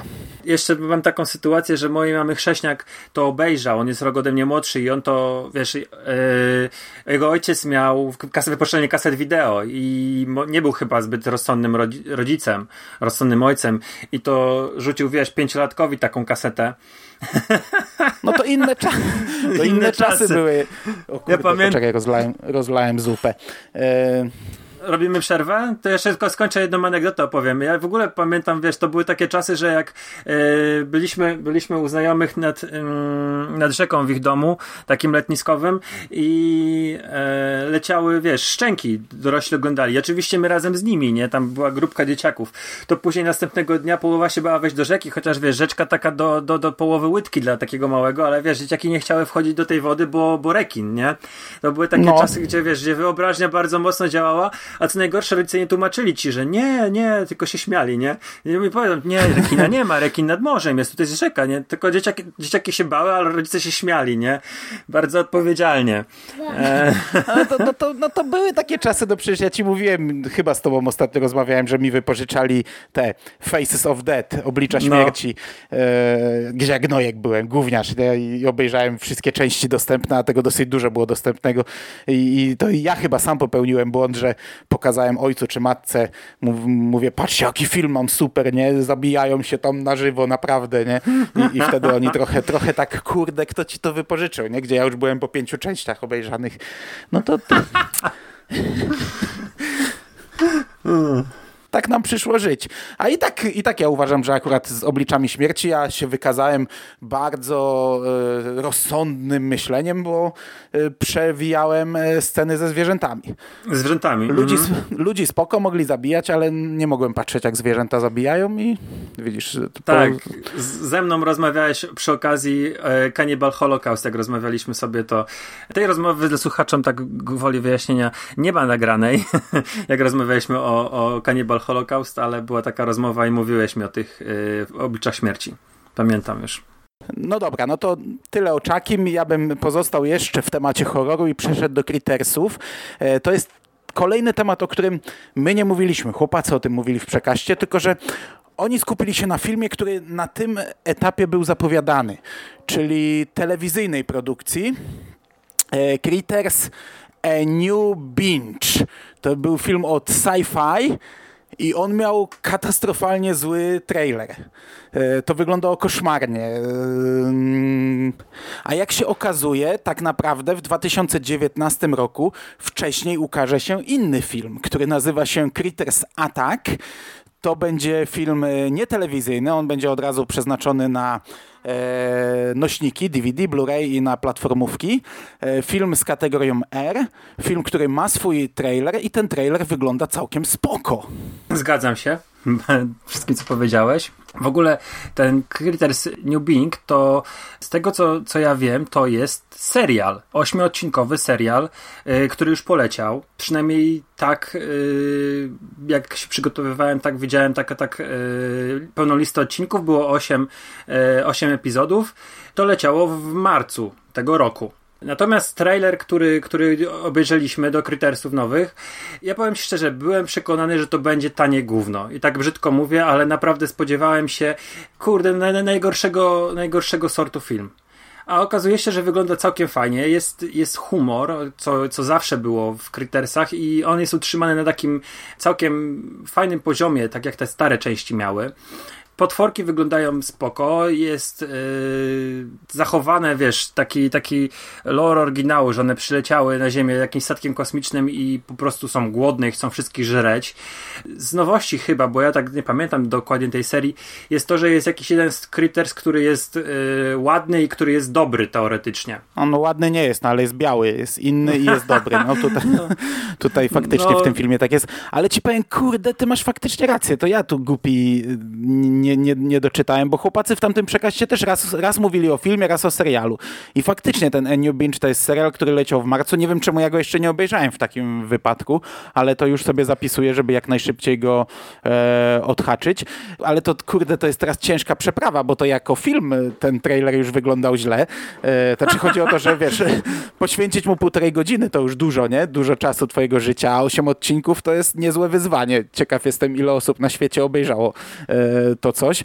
E, to wyglądało źle, bo to wyglądało jak tanie horrory świąteczne, które omawiam, jak męczące rzeczy, jak takie e, strasznie słabe e, jak strasznie słaba produkcja, do tego wiesz, te żarty były tanie, no to, to, to, to, patrzę teraz na kilka zdjęć, mam tu Crittersa w garniturze, e, tam był Critters, wiesz, z przepaską na oku, Critters z kuszą, z jakąś bronią, takie, e, takie tutaj widzę jakiś Critters puszczający hologram, także coś czuję, że to będzie naprawdę zerwanie hamulców, że tutaj twórcy się puścili peronu i, i polecieli gdzieś tam w nieznane, a ten film Critters Attack to faktycznie wygląda jak kurcze prawdziwe Crittersy i ja jestem e, nim e, mocno podjarany, bo co prawda ja z Crittersami mam, znaczy to nie jest problem, ale w dzieciństwie, wiesz, mój tata to był dla mnie wielki autorytet filmowy. Co on powiedział, to było święte. Przez, przez, przez lata powtarzałem. Jak on coś skrytykował, to ja przez lata jak taki, jak taki wiesz, powtarzałem po nim te słowa. I, i on Crittersy mocno skrytykował wtedy. My, myśmy obejrzeli mniej więcej w tym samym czasie Crittersy i Gremliny i, i mi mówił, że wiesz, Gremliny to jest super film, bo to jest na luzie podejście, że to jest żartem, a Crittersy tak super na poważnie. Ja dopiero później skumałem, że wiesz, że istnieje coś takiego jak e, filmy klasy niższej, które możliwe, że są robione na poważnie, ale można się nimi nieźle bawić. I ja lubię tę serię, chociaż dawno do niej nie wracałem. I teraz jak zobaczyłem tę teoretycznie piątą część, e, no to ona wygląda bardzo dobrze i ja z chęcią ją obejrzę. Tutaj gra Dee Wallace e, w jednej z głównych ról, aktorka, która grała w jedynce. Aktorka, która grała w E.T. bodajże, która grała matkę w Cujo. E, Ostatnio oglądałem z nią taki horror świąteczny, Re- Red Christmas, także ona nadal gdzieś tam w horrorach z horrorami ma do czynienia, także... No ale wygląda na to, że w ogóle y, Dee Wallace powtórzy rolę z Crittersów pierwszych. Bo Ciężko powiedzieć. E, Bloody Disgusting podawało to jako jakąś tajemniczą ciocię D, e, Mhm. a na trailerze w sumie nie wyłapałem, czy jest, czy jest zasugerowane, kim ona jest. E, no ale No. najprawdopodobniej tak, no, no po co miałaby grać inną postać? Mhm. Także w, y, ja powiem ci, masz w ogóle ta, takie y, same wspomnienia z Crittersami jak ja, bo y, ja obejrzałem Crittersów mm, u tego, to w tym samym towarzystwie, o którym mówiłem, czyli ojciec mojego, mojej mamy chrześniaka miał wypożyczalnię kaset wideo, obejrzeliśmy ten film razem mm, w dwie rodziny, a to było już po Gremlinach i wszyscy skomentowali ten, tamten film źle i ja byłem uprzedzony do tego, aczkolwiek później chyba w którejś wakacji obejrzałem resztę właśnie na kasetach VHS i tak po cichu mi się te filmy podobały, wiesz. No Mm, dokładnie tak samo miałem. nie, dokładnie. mów, nie mówiłem, że mi się podobają, wiesz, nigdy się tam nie odzywałem, aczkolwiek, wiesz, jest parę scen z tych pierwszych, pierwszych Crittersów, które na przykład jak on to chyba się napił płynu do, do naczyń i puszczał bańki mydlane, e, które zawsze mi się podobały i, ale mówię, tak po cichu go lubię, nie mówiłem, nie przyznawałem się, że lubię te filmy. No tam jest trochę żartów takich. To są żarty, mm, na przykład jak strzela ten jeden z łowców nagród i ścina Tak. K- jednemu Crittersowi ten włosy z głowy, nie? I tamten się z niego śmieje. E, to nie są takie żarty jak w Gremlinach, takie lekkie, luźne, ale są. I ja dokładnie te same, dokładnie tak samo miałem. Wiesz, mój ojciec się czepiał też takich rzeczy, głupich teraz z mojego punktu widzenia patrząc, wiesz, mówił, że ta kula Crittersów, która też jest w tej części, tak na marginesie w trailerze Mhm. jest, przetoczyła się po jakimś człowieku i został sam szkielet, który robi pompki, przecież tak by nie byli w stanie go obgryźć do kości. No, no, no, no spoko, ja wiem, że nie byliby w stanie go ogryźć do kości, ale to nie o to chodzi, nie? W tego typu filmach. Teraz już to wiem. Jako dzieciak mówiłem, że no faktycznie to głupie było, nie? To bez sensu. Bez Ja w sumie powinienem mieć z, z Gremlinem w- gorsze wspomnienia, bo Gremliny to jest jedyny film, co ja z kina trafiłem do szpitala. E, raz w sumie tylko byłem w szpitalu, to, to w zasadzie szczęście chyba przez całe swoje życie raz leżałem w szpitalu. No nic groźnego, bo to okazało się, że wyrostek mi trzasnął na, na Gremlinach. Znaczy nie, nie pękł, a zapalenie wyrostka, nie? I, i z kina pojechałem na operację e, i sobie tydzień Aha. w szpitalu poleżałem. No to takie, takie mam wspomnienia z Gremlinami, to, to w zasadzie greml, Gremliny powinienem gorzej wspominać. No ale nie, Gremliny to jest cudowny, świąteczny, fantastyczny film. Crittersy to jest zupełnie inna bajka. No niestety one były zestawiane ze sobą w tamtych czasach, porównywało się to, chociaż to są kurcze, wiesz, zupełnie inne produkcje, nie? Tego się w zasadzie chyba nie powinno zestawiać. wiesz, z, z perspektywy obecnych czasów, tak, nie powinno się zestawiać. Natomiast w latach 90., gdzie y, na kasetach VHS było wszystko i nie miałeś tego rozdzielenia, że coś jest dobrym kinem, a coś jest złym, i też nie byliśmy wyrobionymi widzami, tak naprawdę. Dopiero poznawaliśmy, wiesz, kulturę amerykańską, dowiadywaliśmy się, że są takie i takie filmy, no to zestawiało się i Gremliny, i Crittersów. No to wiesz, też tak samo nie ma co się oszukiwać, że Crittersy były nakręcone, podejrzewam, bardzo zachęcone bardzo dużym sukcesem Gremlinów, bo Gremlin 84, Critters 86 i wiesz, podejrzewam, że producenci wyczuli pismo nosem, że się będzie opłacało zrobić taki film i zrobili, no. Tak, no jest, jest dużo, dużo, wiesz, winy w, w podejściu do filmów z tamtych czasów. Ja też wielokrotnie mówiłem, że byłem bucem i nie lubiłem kina klasy B, teraz je uwielbiam. Muszę wrócić do Crittersów tak naprawdę, bo ja nie pamiętam aż tak dobrze. yy, No ja z ogromną przyjemnością, z ogromną. Jak już teraz y, się dowiedziałem, że serial już jest dostępny, to myślę, że to jest kwestia dni y, albo tygodni, a nie miesięcy, jak sobie odświeżę, bo ja naprawdę miło wspominam. Też dwójki, dwójkę średnio pamiętam. Wiem, że jedynka i dwójka stanowiły spójną dosyć całość z tym rudym chłopaczkiem. Trójka była z Leonardo DiCaprio, a czwórka była w kosmosie w ogóle, na statku Tak. kosmicznym się, się działa, nie? Yy, no, także w miarę dosyć dobrze pamiętam te filmy, ale z przyjemnością sobie je odświeżę. Okej, to jeszcze jeden powrót do przeszłości. Adams Family 2019, animacja od, e, od, od, od Metro Golden Mayer. E, powiem szczerze, mm, liczyłem, że e, rodzina Adamsów zobaczę w wykonaniu Bartona, bo przez wiele lat był teasowany ten film, wiesz, z, mm, z aktorami, zrobiony przez y, osobę, która czuje taki klimat grozy, groteski. Ja mam mieszane uczucia. Z jednej strony ci nowi Adamsowie są w bardzo mocny sposób mm, nawiązani, znaczy nawiązują, inspirowani oryginalnymi komiksami Charlesa Adamsa, który tworzył w latach 30. Mm, dla New Yorkera paski komiksowe. Dobrze mówię, latach 30. chyba tak. I to była, to była satyra na taką arystokratyczną, dziwną rodzinkę, która żyje sobie współcześnie w Stanach Zjednoczonych. Bardzo charakterystyczna kreska, która teraz jak sobie patrzę na, na plakat, no to jest właściwie przeniesiona, no oczywiście tu w 3D, ale jeden do jednego e, jego styl. Ale wiesz co, no ja, ja niekoniecznie chcę ten film oglądać. Nie wiem, jak ty masz tutaj. Ja tutaj krótko raczej. Wiesz, ja nie mam takich ciepłych wspomnień z rodziną, z rodziną Adamsów. Co prawda, którąś część chyba widziałem w kinie i oczywiście wtedy tam w, w tamtych czasach oglądałem wszystko, bo to chyba trzy części, jeżeli dobrze pamiętam, były, nie?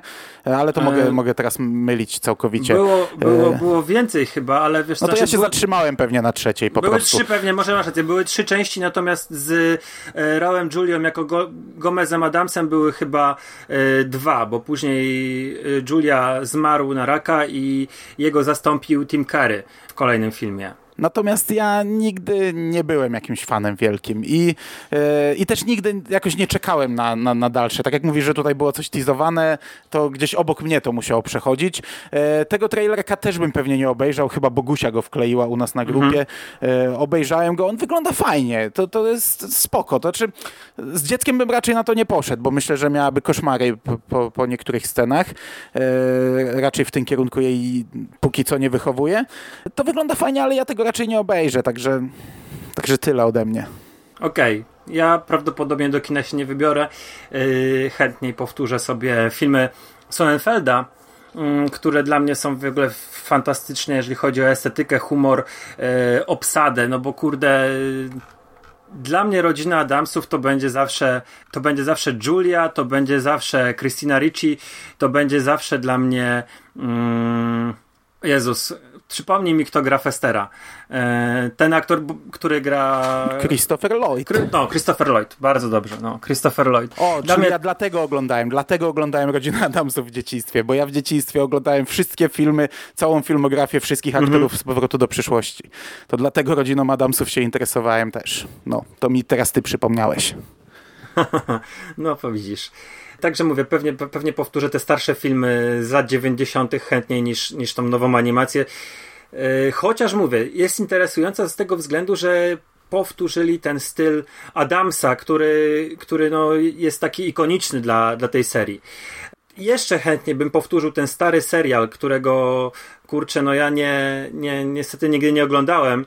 Nigdy nie miałem okazji. Wiem, że on był kiedyś w polskiej telewizji, chyba e, Właśnie w regionalnej świta, był ja chyba zaczynałem, chyba zaczynałem go oglądać. Czyli kurczę, ja jednak musiałem być za dzieciaka trochę fanem te, te, tej serii, ale nie zostało mi nic z tego, bo, bo coś, coś mi świta, że serial gdzieś tam jakoś lekko liznąłem.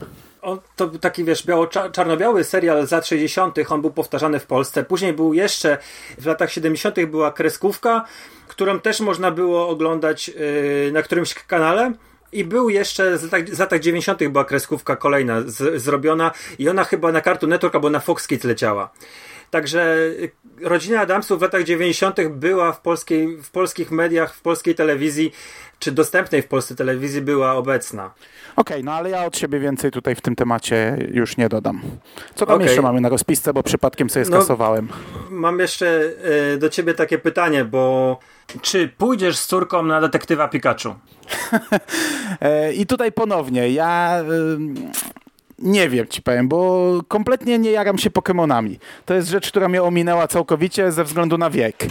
E, Gdy ja, wiesz, gdy Pokemony wchodziły, to ja byłem na studiach, już, już przynajmniej w tym chyba kierunku szedłem, albo liceum późne i, i kompletnie mnie to ominęło, te, te, ten cały fenomen. Gdy kilka lat temu, wiesz, weszło Pokémon Go, ja e, to, bardzo pozytywnie na to patrzałem, nie? E, To, to była taka fajna rzecz, ale też gdzieś koło mnie, też, też nie moja. Teraz ten film mnie w ogóle nie jara. E, Obejrzałem trailer tylko dlatego, że ktoś go wkleił z was w tej grupie i wiedziałem, że pewnie będziemy coś o nim mówić i, i nadal... Chyba nie.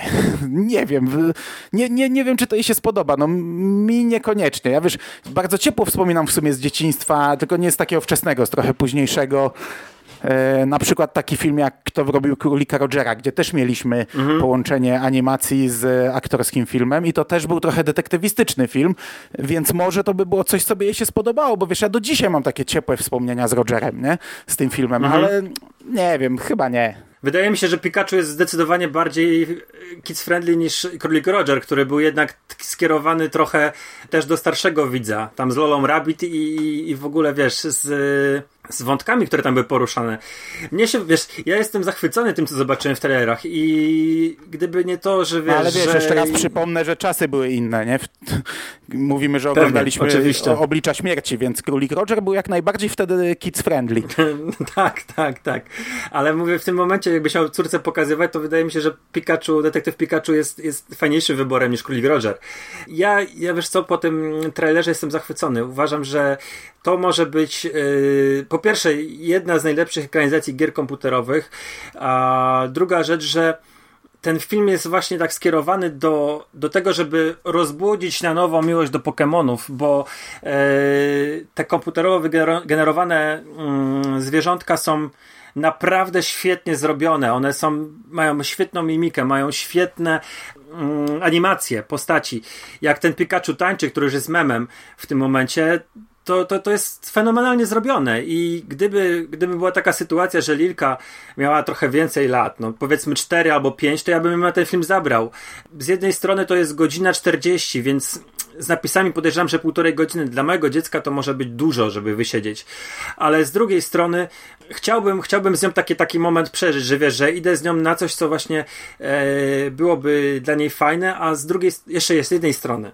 Pokémony są takim światem, który, który jest naprawdę fajny dla dziecka, bo pokazuje, znaczy tak, i gry, i gry są bardzo spoko i, i animacje są bardzo spoko i pokazują wiele takich dobrych wartości, chociaż sam, sam zamysł Pokémonów no, w momencie stworzenia wcale nie był taki wesoły i był raczej antyutopią, a zmieniło się to, wiesz, wesołą bajeczkę, ale chciałbym, chciałbym jej to pokazać i niestety nie, nie będzie mi to dane dopiero za parę lat pewnie na jakimś nośniku albo e, VOD albo Netflixie to, to, to będzie można dziecku mojemu pokazać. Znaczy wiesz co, no to nie jest takie długie półtorej godziny. Ja, ja z e, młodą pierwszy raz byłem na Barbie Gwiezdna Przygoda. To był 2016 rok, czyli ona miała 3 lata. Możliwe, że mniej niż czy możliwe, że więcej. Nie pamiętam, kiedy ten film leciał, czy przed, czy po urodzinach. I spoko, bez problemu, wiesz, półtorej godziny w kinie wysiedziała. Fakt, że tam mhm. trzeba było jakieś, jakieś, nie wiem, zagryzkę, jakąś wodę, jakoś ona przechodziła na przykład z, z siedzenia na moje kolana, z kolan moich na, na, na żony, gdzieś tam chodziła sobie trochę po kinie, ale ja od tego 2016 chodzę do kina i zawsze wytrzymujemy. Także mm, jest to do zrobienia. Jak będą grali u mnie w mieście Pikachu, to może pójdę, bo u mnie to, wiesz, dochodzi wyjazd. Z dzieckiem to już jest trudniejsza rzecz, jak mam do Bydgoszczy jechać, więc ja zawsze tylko na nakło czekam. I jeszcze mhm. to się musi zgrać, wiesz, z moim grafikiem w pracy, nie? A to, to też Rozumiem. rzadko bywa. No. No to pewnie w nakle będziesz miał e, z dubbingiem, niestety, bo. no ale wiesz, z takim małym dzieciakiem tak czy siak pójdę z dubbingiem, Wiem, a nie pójdę z napisami. Napisy byś nie poszedł. Co prawda też w naszych czasach chodziło się, może nie w tym wieku, nie, nie przy 6 latach, ale ja jak miałem 10 lat chodziłem. Ale... E, jak, miałem, jak miałem 10 lat widziałem Kobrę, widziałem Nocnego Jastrzębia w kinie i to wszystko z napisami i, i, i dawałem radę, ale to też, jeszcze raz podkreślmy, inne czasy, e, zupełnie inne wychowanie. Teraz to by nie przeszło z dzieckiem nawet 10-letnim raczej ciężko iść na napisy, szczególnie, że ma do wyboru dubbing.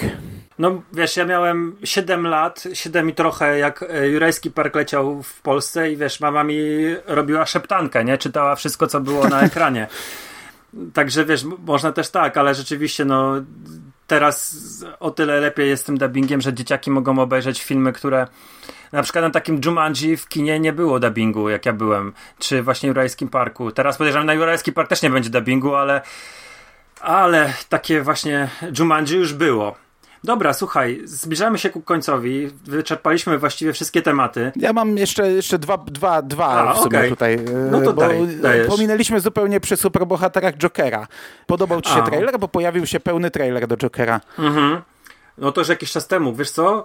Ja byłem w tamtym momencie zachwycony. Teraz trochę to, to mi uleciało ten zachwyt, ale wiesz co? Mam trochę takich jakichś takich mieszanych uczuć, że to będzie, wiesz, ten szpital psychiatryczny, gdzie Joker odwiedza swoją matkę. To mi tak nie do końca grało, ale sam klimat, sam feel tego, tego trailera był fantastyczny i to jest jedna z takich produkcji, na które bardziej czekam. Ja podawałem Jokera w tym naszym zestawieniu na filmy, na które najbardziej czekamy, chyba tylko ja i on się tam nie dostał do, mm, do ostatecznie do dziesiątki, ale to wygląda naprawdę fajnie. To wszystko jest w ogóle, mi się tak wydaje, że ten, ten makijaż Jokera, jego strój jest utrzymany w tym Batmanie z lat 60. Myśmy kiedyś ze dwa zdania o tym zamienili. Ty mocno chwaliłeś, mówiłeś, że bardzo czekasz, że jesteś podjarany. Ja mówiłem, że, że raczej nie, właśnie przy którymś przekaście. E, ja tego trailera nie obejrzałem premierowo. Obejrzałem go tak naprawdę przed nagraniem dzisiaj i mhm. muszę przyznać, że jestem e, jak najbardziej na tak. Ten trailer jest świetny, uważam i robi super klimat, jest fajnie nagrany i jest fajnie zmontowany i tam w ogóle wszystko w tym trailerze gra jak najbardziej. E, dla mnie może mikro problem problemem, przy czym to jest raczej plus filmu, to jest mój problem, jest to, że ja jednak produkcje teoretycznie superbohaterskie, a to teoretycznie, bardzo teoretycznie jest film z tego worka, jakoś tam sobie szufladkuję, jakoś wrzucam w swojej głowie do, e, do jakiegoś, wiesz, przedziału, a tutaj widać, że ten film będzie zupełnie inny. Mhm. Mówię, to jest jego plus, to jest dla filmu plus, ale ja nie wiem, e, na chwilę obecną takie mam w swojej głowie lekki zgrzyt. No wiesz, kurde, no już widać po plakatach nawet, że to, to jest zupełnie co innego, że ten, to będzie bardziej artystyczne kino, że yy, w ogóle dobór, dobór yy, młodych aktorów pokazuje, że nie będziemy mieli tam Batmana. to wszystko No, składa ale się... aktorsko też pamiętam, gadaliśmy o tym, e, Mhm. o, o, o roli Jokera. Ja wtedy jeszcze na etapie zdjęć mówiłem, że trochę mi nie leży, ale kurde, to w trailerze super wygląda. No, naprawdę. Jest, jest. Yy, jak sobie skończymy nagranie, obejrzyj sobie zdjęcia, czy może jakieś fragmenty, gdzie mamy tego Batmana z lat 60. i mm, to wiesz, to jest ten serial z, tam 66, 68 i mamy Cesara Romero, czyli Jokera i porównaj sobie te makijaże. No wiem, wiem, no. Mhm. Moim zdaniem bardzo fajnie to, to tak nawiązują do tamtych czasów. No ale acz- aczkolwiek może, może się mylę, może to jest moje, wiesz, przestrzelenie zupełne mm, i jakieś konfabulacje i wymysły u, u mózgu. Okej, dobra. A drugi temat, drugi temat, jak- który chciałeś poruszyć? No drugi temat to tylko chciałem jeszcze mm, zaznaczyć to, co mówiłem na początku, czyli Beverly Hills 90210. A, E, Wiem, że skaczę rany, zupełnie po tematach. zapomnieliśmy o tym. E, ale kurde, my chyba, chyba nie mówiliśmy o tym w przekaście, bo Nie, nie, nie. myśmy kiedyś, gdy ten news się pojawił, że będzie jakaś tam reaktywacja serialu, e, napisali to w grupie, nawet, nawet był taki plan, żeby zrobić temat przewodni przekastu, jakie seriale nie powinny wracać, albo jakie byśmy chcieli, żeby wróciły, albo najbardziej kretyńskie pomysły na powrót, bo w tym czasie też mówiło się o powrocie przystanku Alaska, chociaż e, Michał Ziaja mi wklejał jakiś link, ja niestety go nie, nie doczytałem, bo gdzieś byłem wtedy w autobusie, jak to wklejał, że ten przystanek Alaska chyba ostatecznie nie powstanie. E, natomiast przy Beverly Hills ja byłem bardzo na nie. Najpierw gruchnął news, że będzie serial z tymi samymi bohaterami. Byłem bardzo na niebo. To jest, wiesz, dziecko lat 90. y, Jeszcze serial o młodzieży, która teraz to są stare dziady, więc trzeba by zupełnie inaczej podejść do tematu. Potem się pojawił news, że to tak naprawdę nie będzie serial, tylko jakiś talk show z nimi, e, że to będzie jakieś tam zupełnie inne podejście właśnie do tematu. Teraz ja w zasadzie nie wiem, czym to ma być ostatecznie. Czy to ma być normalny serial, czy to ma być właśnie coś Nie. w rodzaju talk show? To jest serial, to jest, to nie, to, to, to wiesz co, to jest serial o aktorach, którzy grali w Beverly Hills 90210, czyli Sharon Doherty gra Shannon Doherty, e, Jason Presley gra Jasona Presleya, e, Ian Ziering gra Iana Zieringa. Oni nie grają postaci z e, Beverly Hills, ale grają siebie. Coś takiego jak Jean-Claude Van Johnson. Czyli ja ci powiem, że ja to wpisuję sobie na celownik, bo po pierwsze podejście mi się podoba, to jak, jak chcą ugryźć ten temat. Po drugie, ten teaser jak dla mnie zrobił robotę. Ja go widziałem naprawdę kilkanaście razy. On mi się tak podobał, że, że sobie powtarzałem. Rzadko kiedy mam coś takiego przy rzeczach nie Star Warsowych albo nie Kingowych, żeby tyle razy oglądać teaser. I on mnie nakręcił. Ja wiem, że wiesz, to się można jeszcze rozczarować bardzo mocno. Teaser e, łatwo zrobić taki, te, czy, czy, czy łatwo, no to też inny. No ale dobra, łatwiej zrobić teaser niż potem e, spełnić oczekiwania w serialu, ale podoba mi się to, co mówisz, że, e, że, że to może być zupełnie coś innego i ja to wpisuję na celownik. Ja sprawdzę, co to jest. Ja też, ja też. E, czasami się zdarza, że powtórkowo oglądam sobie, jak leci w telewizji jakiś odcinek Beverly Hills, e, tego oryginalnego. I wiesz, to jest cały czas całkiem fajny serial. On. Mm, jest taka cała teoria, że on powstał dla Tori Spelling, gdy jej dziadek czy ojciec zrobił jej ten serial, żeby mogła sobie wystąpić i zrobił serial taki, wiesz, który, który nie miał właściwie mieć nic do zaoferowania, tylko pokazywać jakieś tam przygody nastolatków. Ale on ma bardzo dużo takiego, wiesz, takiej zwykłej mądrości, takiej serialowej. Pokazuje, wiesz, te postacie zawsze spotykały się z jakimiś sytuacjami, w których musieli odpowiednio zareagować, musieli, trafiali na jakieś, na jakieś osoby potrzebujące pomocy. Tam nie było głupiego imprezowania. To nie była, wiesz, mm, jakaś polegająca tylko na imprezowaniu e, grupa. Oni mieli, mieli swoje problemy, to zawsze było, e, czy na przykład ta gazeta szkolna, w której tam były wątki, czy, czy pracujące gdzieś tam w wolontariacie której z nich, zawsze było coś, coś więcej i ja to dopiero teraz jako dorosła osoba mm, wyłapuję. No, był, był, był wątek, jak Dona się upiła, czyli właśnie Tori Spelling i raz się upiła i jej zabronili chyba pisać jakiś tam test na koniec szkoły czy coś i wszyscy wszyscy wyszli ze szkoły, był była wielka manifestacja poparcia, e, to pamiętam do dziś e, scenę. Ja ci powiem, że ja ten serial wspominam bardzo ciepło. Dzisiaj bym go nie oglądał, bo to, to nie są seriale, które, to, to nie jest Mhm. typ seriali, które ja pewnie bym oglądał, ale no w tamtych czasach, gdy była tylko jedynka i dwójka, oglądało się wszystko i to był, i chłonęło się też Amerykę, nie? Przez seriale. No, nasze wyobrażenie Tak. o, o Ameryce były e, przez seriale i przez filmy, gdzie widzieliśmy naszych odpowiedników żyjących w innym świecie, w zupełnie innym świecie. I no ja to oglądałem. Co tydzień siadałem, oglądałem kolejne odcinki i, i tak wyobrażałem sobie lepsze życie. I, I wspominam to miło, ciepło. I co prawda nie wróciłem na przykład do mm, tej próby e, zrobienia sequela, to chyba z CW robiło, a może jakaś inna telewizja e, wyszedł e, jakiś czas, nie, to nie CW, nie wiem, może Fox, nie pamiętam, E, pewnie Fox, bo nie mają prawa.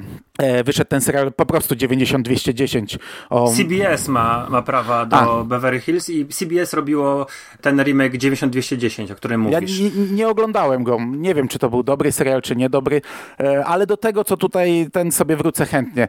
E, Szokujące jest, że kurczę, ci aktorzy mam wrażenie, że się w ogóle nie zmienili. Patrzę na nich i e, nawet Tak. jeśli kobiety, po kobietach widać trochę bardziej, że, że gdzieś tam czas upłynął, to i tak wow, i tak ja pieprzę, nie? E, Wiesz, e, to minęło tyle lat, a, a oni wyglądają, no, no, fakt, że to pewnie ich też tak zrobiono, bo jednak, jednak widzimy filmy z nimi, no, w Sharknado widać było, że jest starszy Mhm. Steve, on miał Steve, nie? Mm, No. Ale wiesz co? Dwie rzeczy. Ja tylko tak naprawdę, dla mnie zmieniła się Kelly mocno w tym teaserze. y, Cała reszta naprawdę to, to swoje fizis zachowali i, e, i są podobni do siebie. Za, bardzo podobni.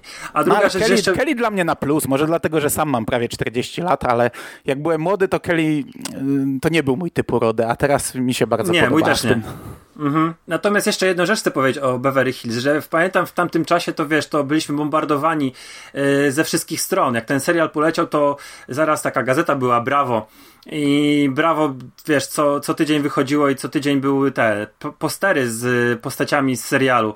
Beverly Hills wyznaczało trendy w modzie. Jak się pojawił, wiesz, e, Dylan mm, w, koszulce w serek, to zaraz dwa tygodnie później wszystkie szwalnie w województwie łódzkim, e, wiesz, na potęgę szyło e, koszulki w serek i wszyscy chodzili w koszulkach w serek, no nie?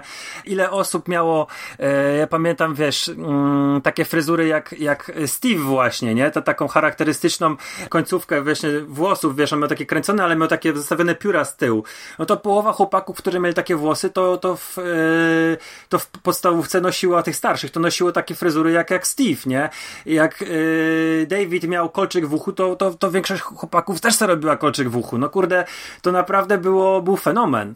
I w tym momencie już wydaje mi się, że to nie ma szans takiego czegoś zobaczyć, żeby jakikolwiek serial w telewizji miał tak wielki wpływ na, na tak olbrzymie rzesze młodych ludzi. Więc fajnie będzie wrócić. Naprawdę fajnie będzie wrócić do tego, do tego, do, tej, do tych postaci, może nie do tych aktorów, o, bardziej do tych aktorów.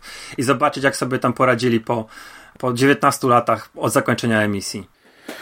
Okej, dobra. Tu mam jeszcze na rozpisce trochę tematów, ale nie wiem, czy, nie, czy to nie jest czas, żeby zakończyć, bo już nam Myślę, się trochę że- przeciąga ten przekaz. Tak, tak, tak, tak. Myślę, że wyczerpaliśmy to, co Mhm. mieliśmy powiedzieć. Najciekawsze rzeczy powiedzieliśmy. A ja i tak tu nagrywam w tak polowych warunkach, chodząc, bawiąc się, kopiąc, karmiąc, kopiąc piłkę oczywiście, nie dziecko, e, że, że już, już ten, już powoli się męczę na- nagrywając, także myślę, że myślę, że na, na tym gimnastyka po prostu podcastowa. E, myślę, że na tym możemy faktycznie chyba zakończyć. E, może nam się uda teraz zebrać może część z tych newsów przeskoczy jeszcze do kolejnego, może nam się uda w taki sposób nagrać następny przekaz, bo teraz dla mnie to jest najprostsze nagrywanie, dla ciebie w sumie też dość proste, dlatego my ostatnio często e, we dwóch nagrywamy coś i też przekasty robiliśmy kilka razy we dwóch. E, no, a, na dzisiaj to by było w takim razie wszystko. E, dziękuję ci bardzo za rozmowę Również dziękuję za rozmowę. i do usłyszenia. I dzięki za wysłuchanie słuchaczom. Dziękuję. Do usłyszenia. Cześć. Mam nadzieję, że tutaj młody Ancymon nie przeszkadzał za bardzo, ale chyba go, to my go bardziej słyszymy. To nam w dyskusji on często przeszkadza, a na nagraniu e, to nie wyłapuje tych dźwięków z tła. My słyszymy go 10 razy bardziej niż wy, dlatego na- nam się czasami e, gorzej rozmawia, jak tutaj e, Wątki młody się broi, nie? urywają. Nie Szczeg- szczególnie wiesz, szczególnie wiesz, jak, jak zostaje moja ścieżka, to słychać go, a jak twoja ścieżka, to ja wykasow- to ja wyciszam te dźwięki na swojej Mhm.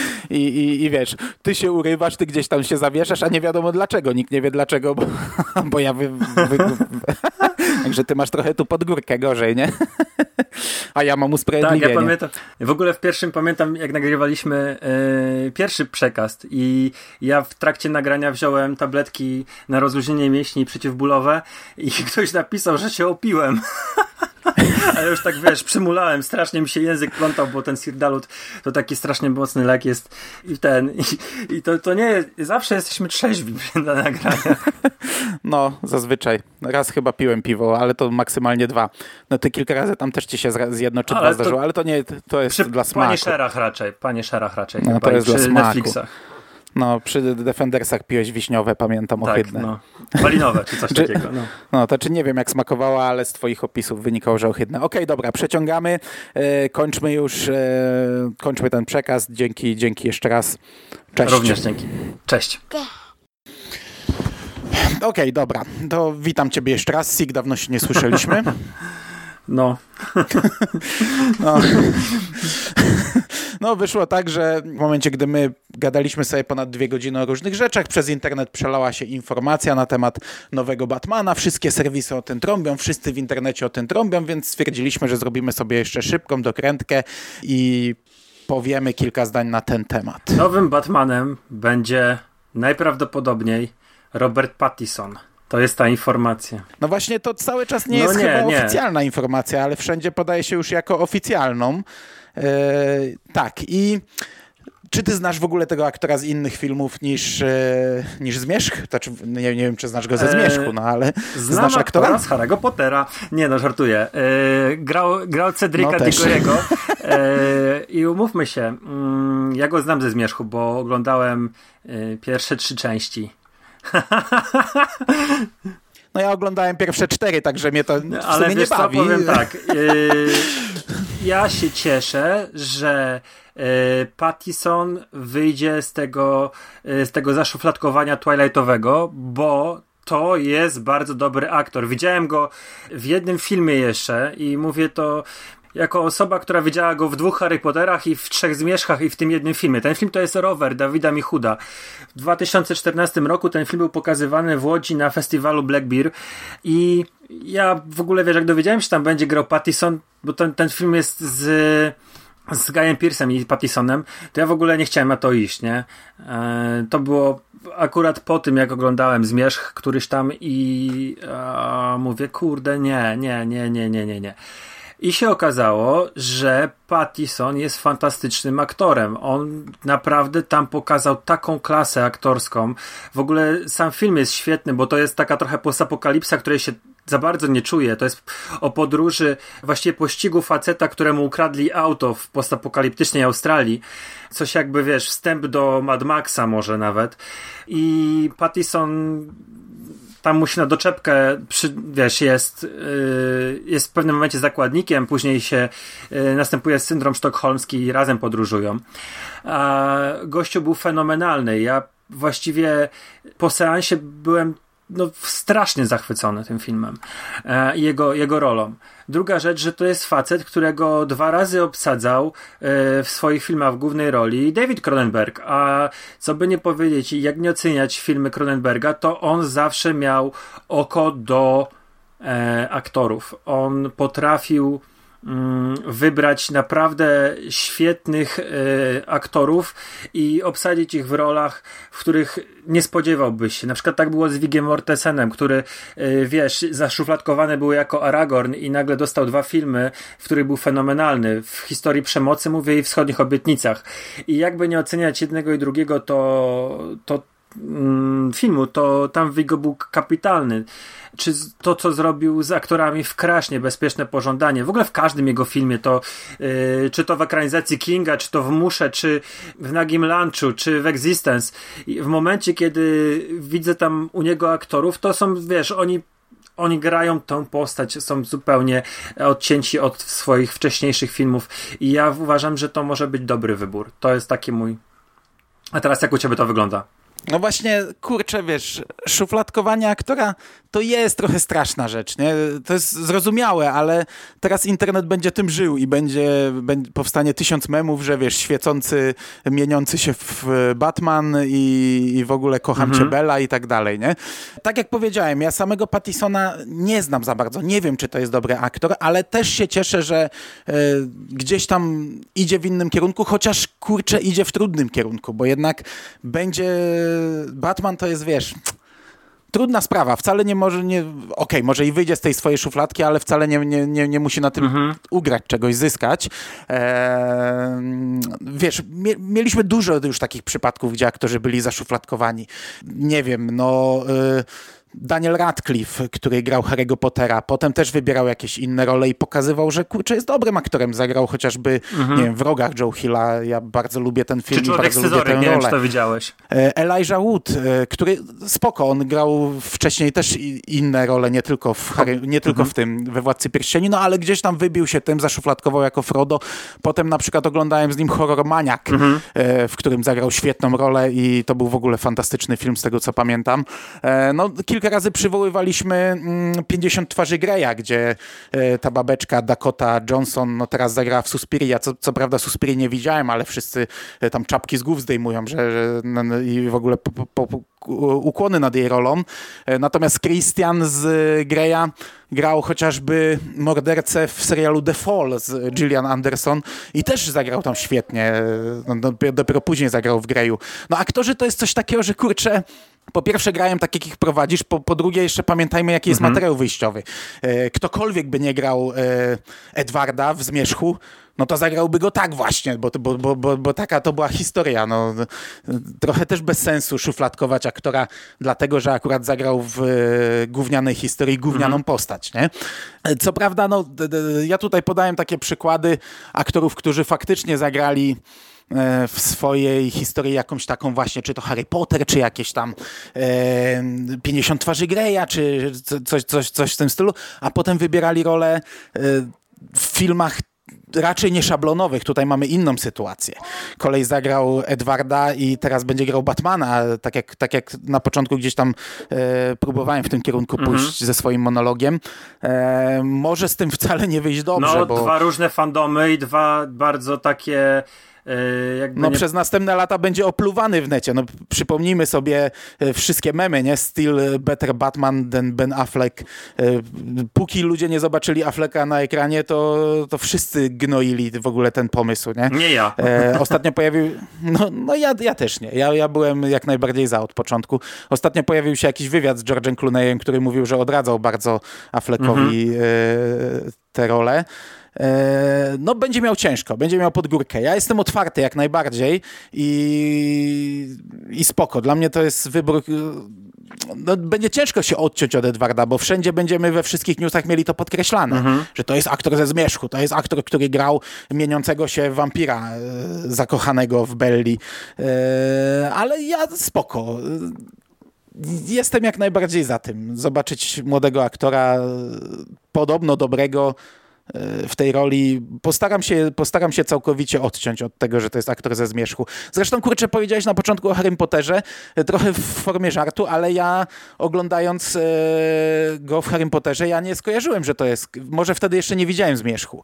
E, nie skojarzyłem, że to jest aktor ze zmierzchu i wiesz, oglądałem go bez żadnych uprzedzeń, spoko. Postać Cedrika może nie była jakąś pierwszoplanową postacią, ale wiesz, całkowicie normalny odbiór miałem. Dopiero potem zatrybiłem, że, że to jest Edward. Wiesz co, no tak jak powiedział George Clooney, e, podejrzewam, że każdy Batman po Kitonie był krytykowany, Val Kilmer był krytykowany, George Clooney był krytykowany.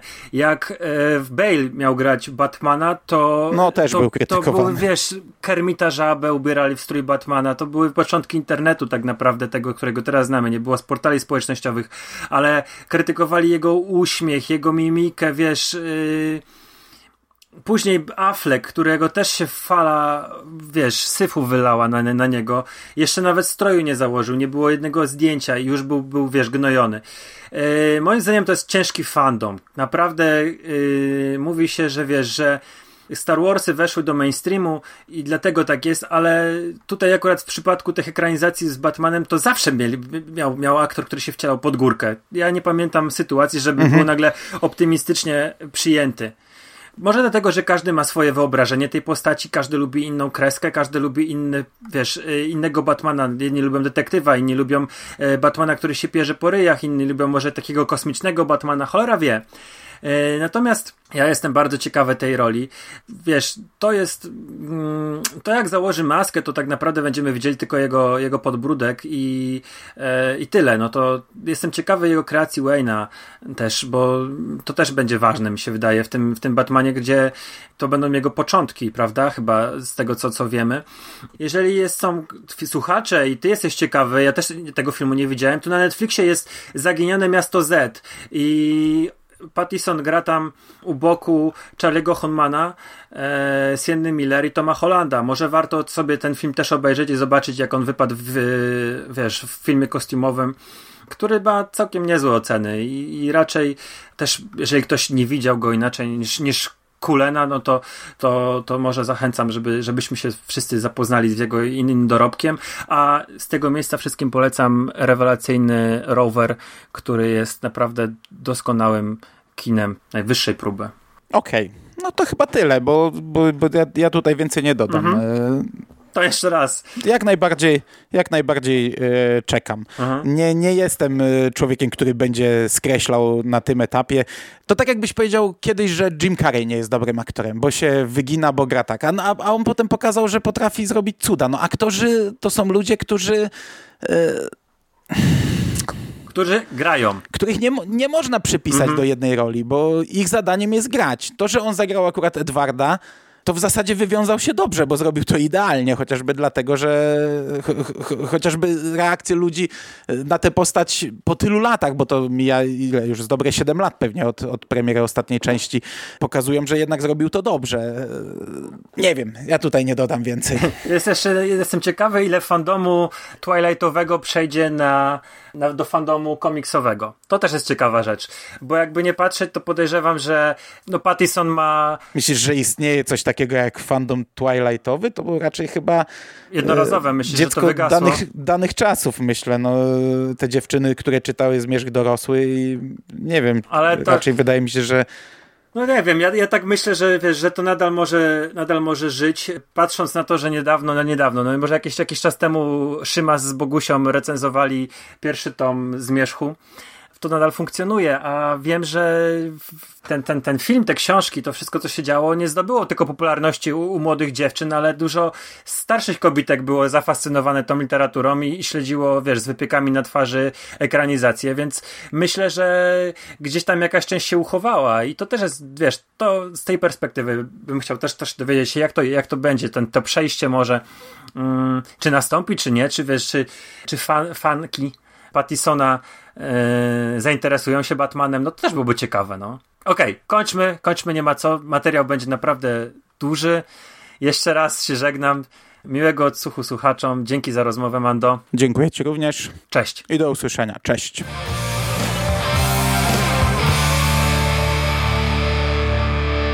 You finished? That's it, man. Game over, man. It's game over. What the fuck are we gonna do now? What are we gonna do? It's over. Nothing is over. Nothing. You just don't turn it off.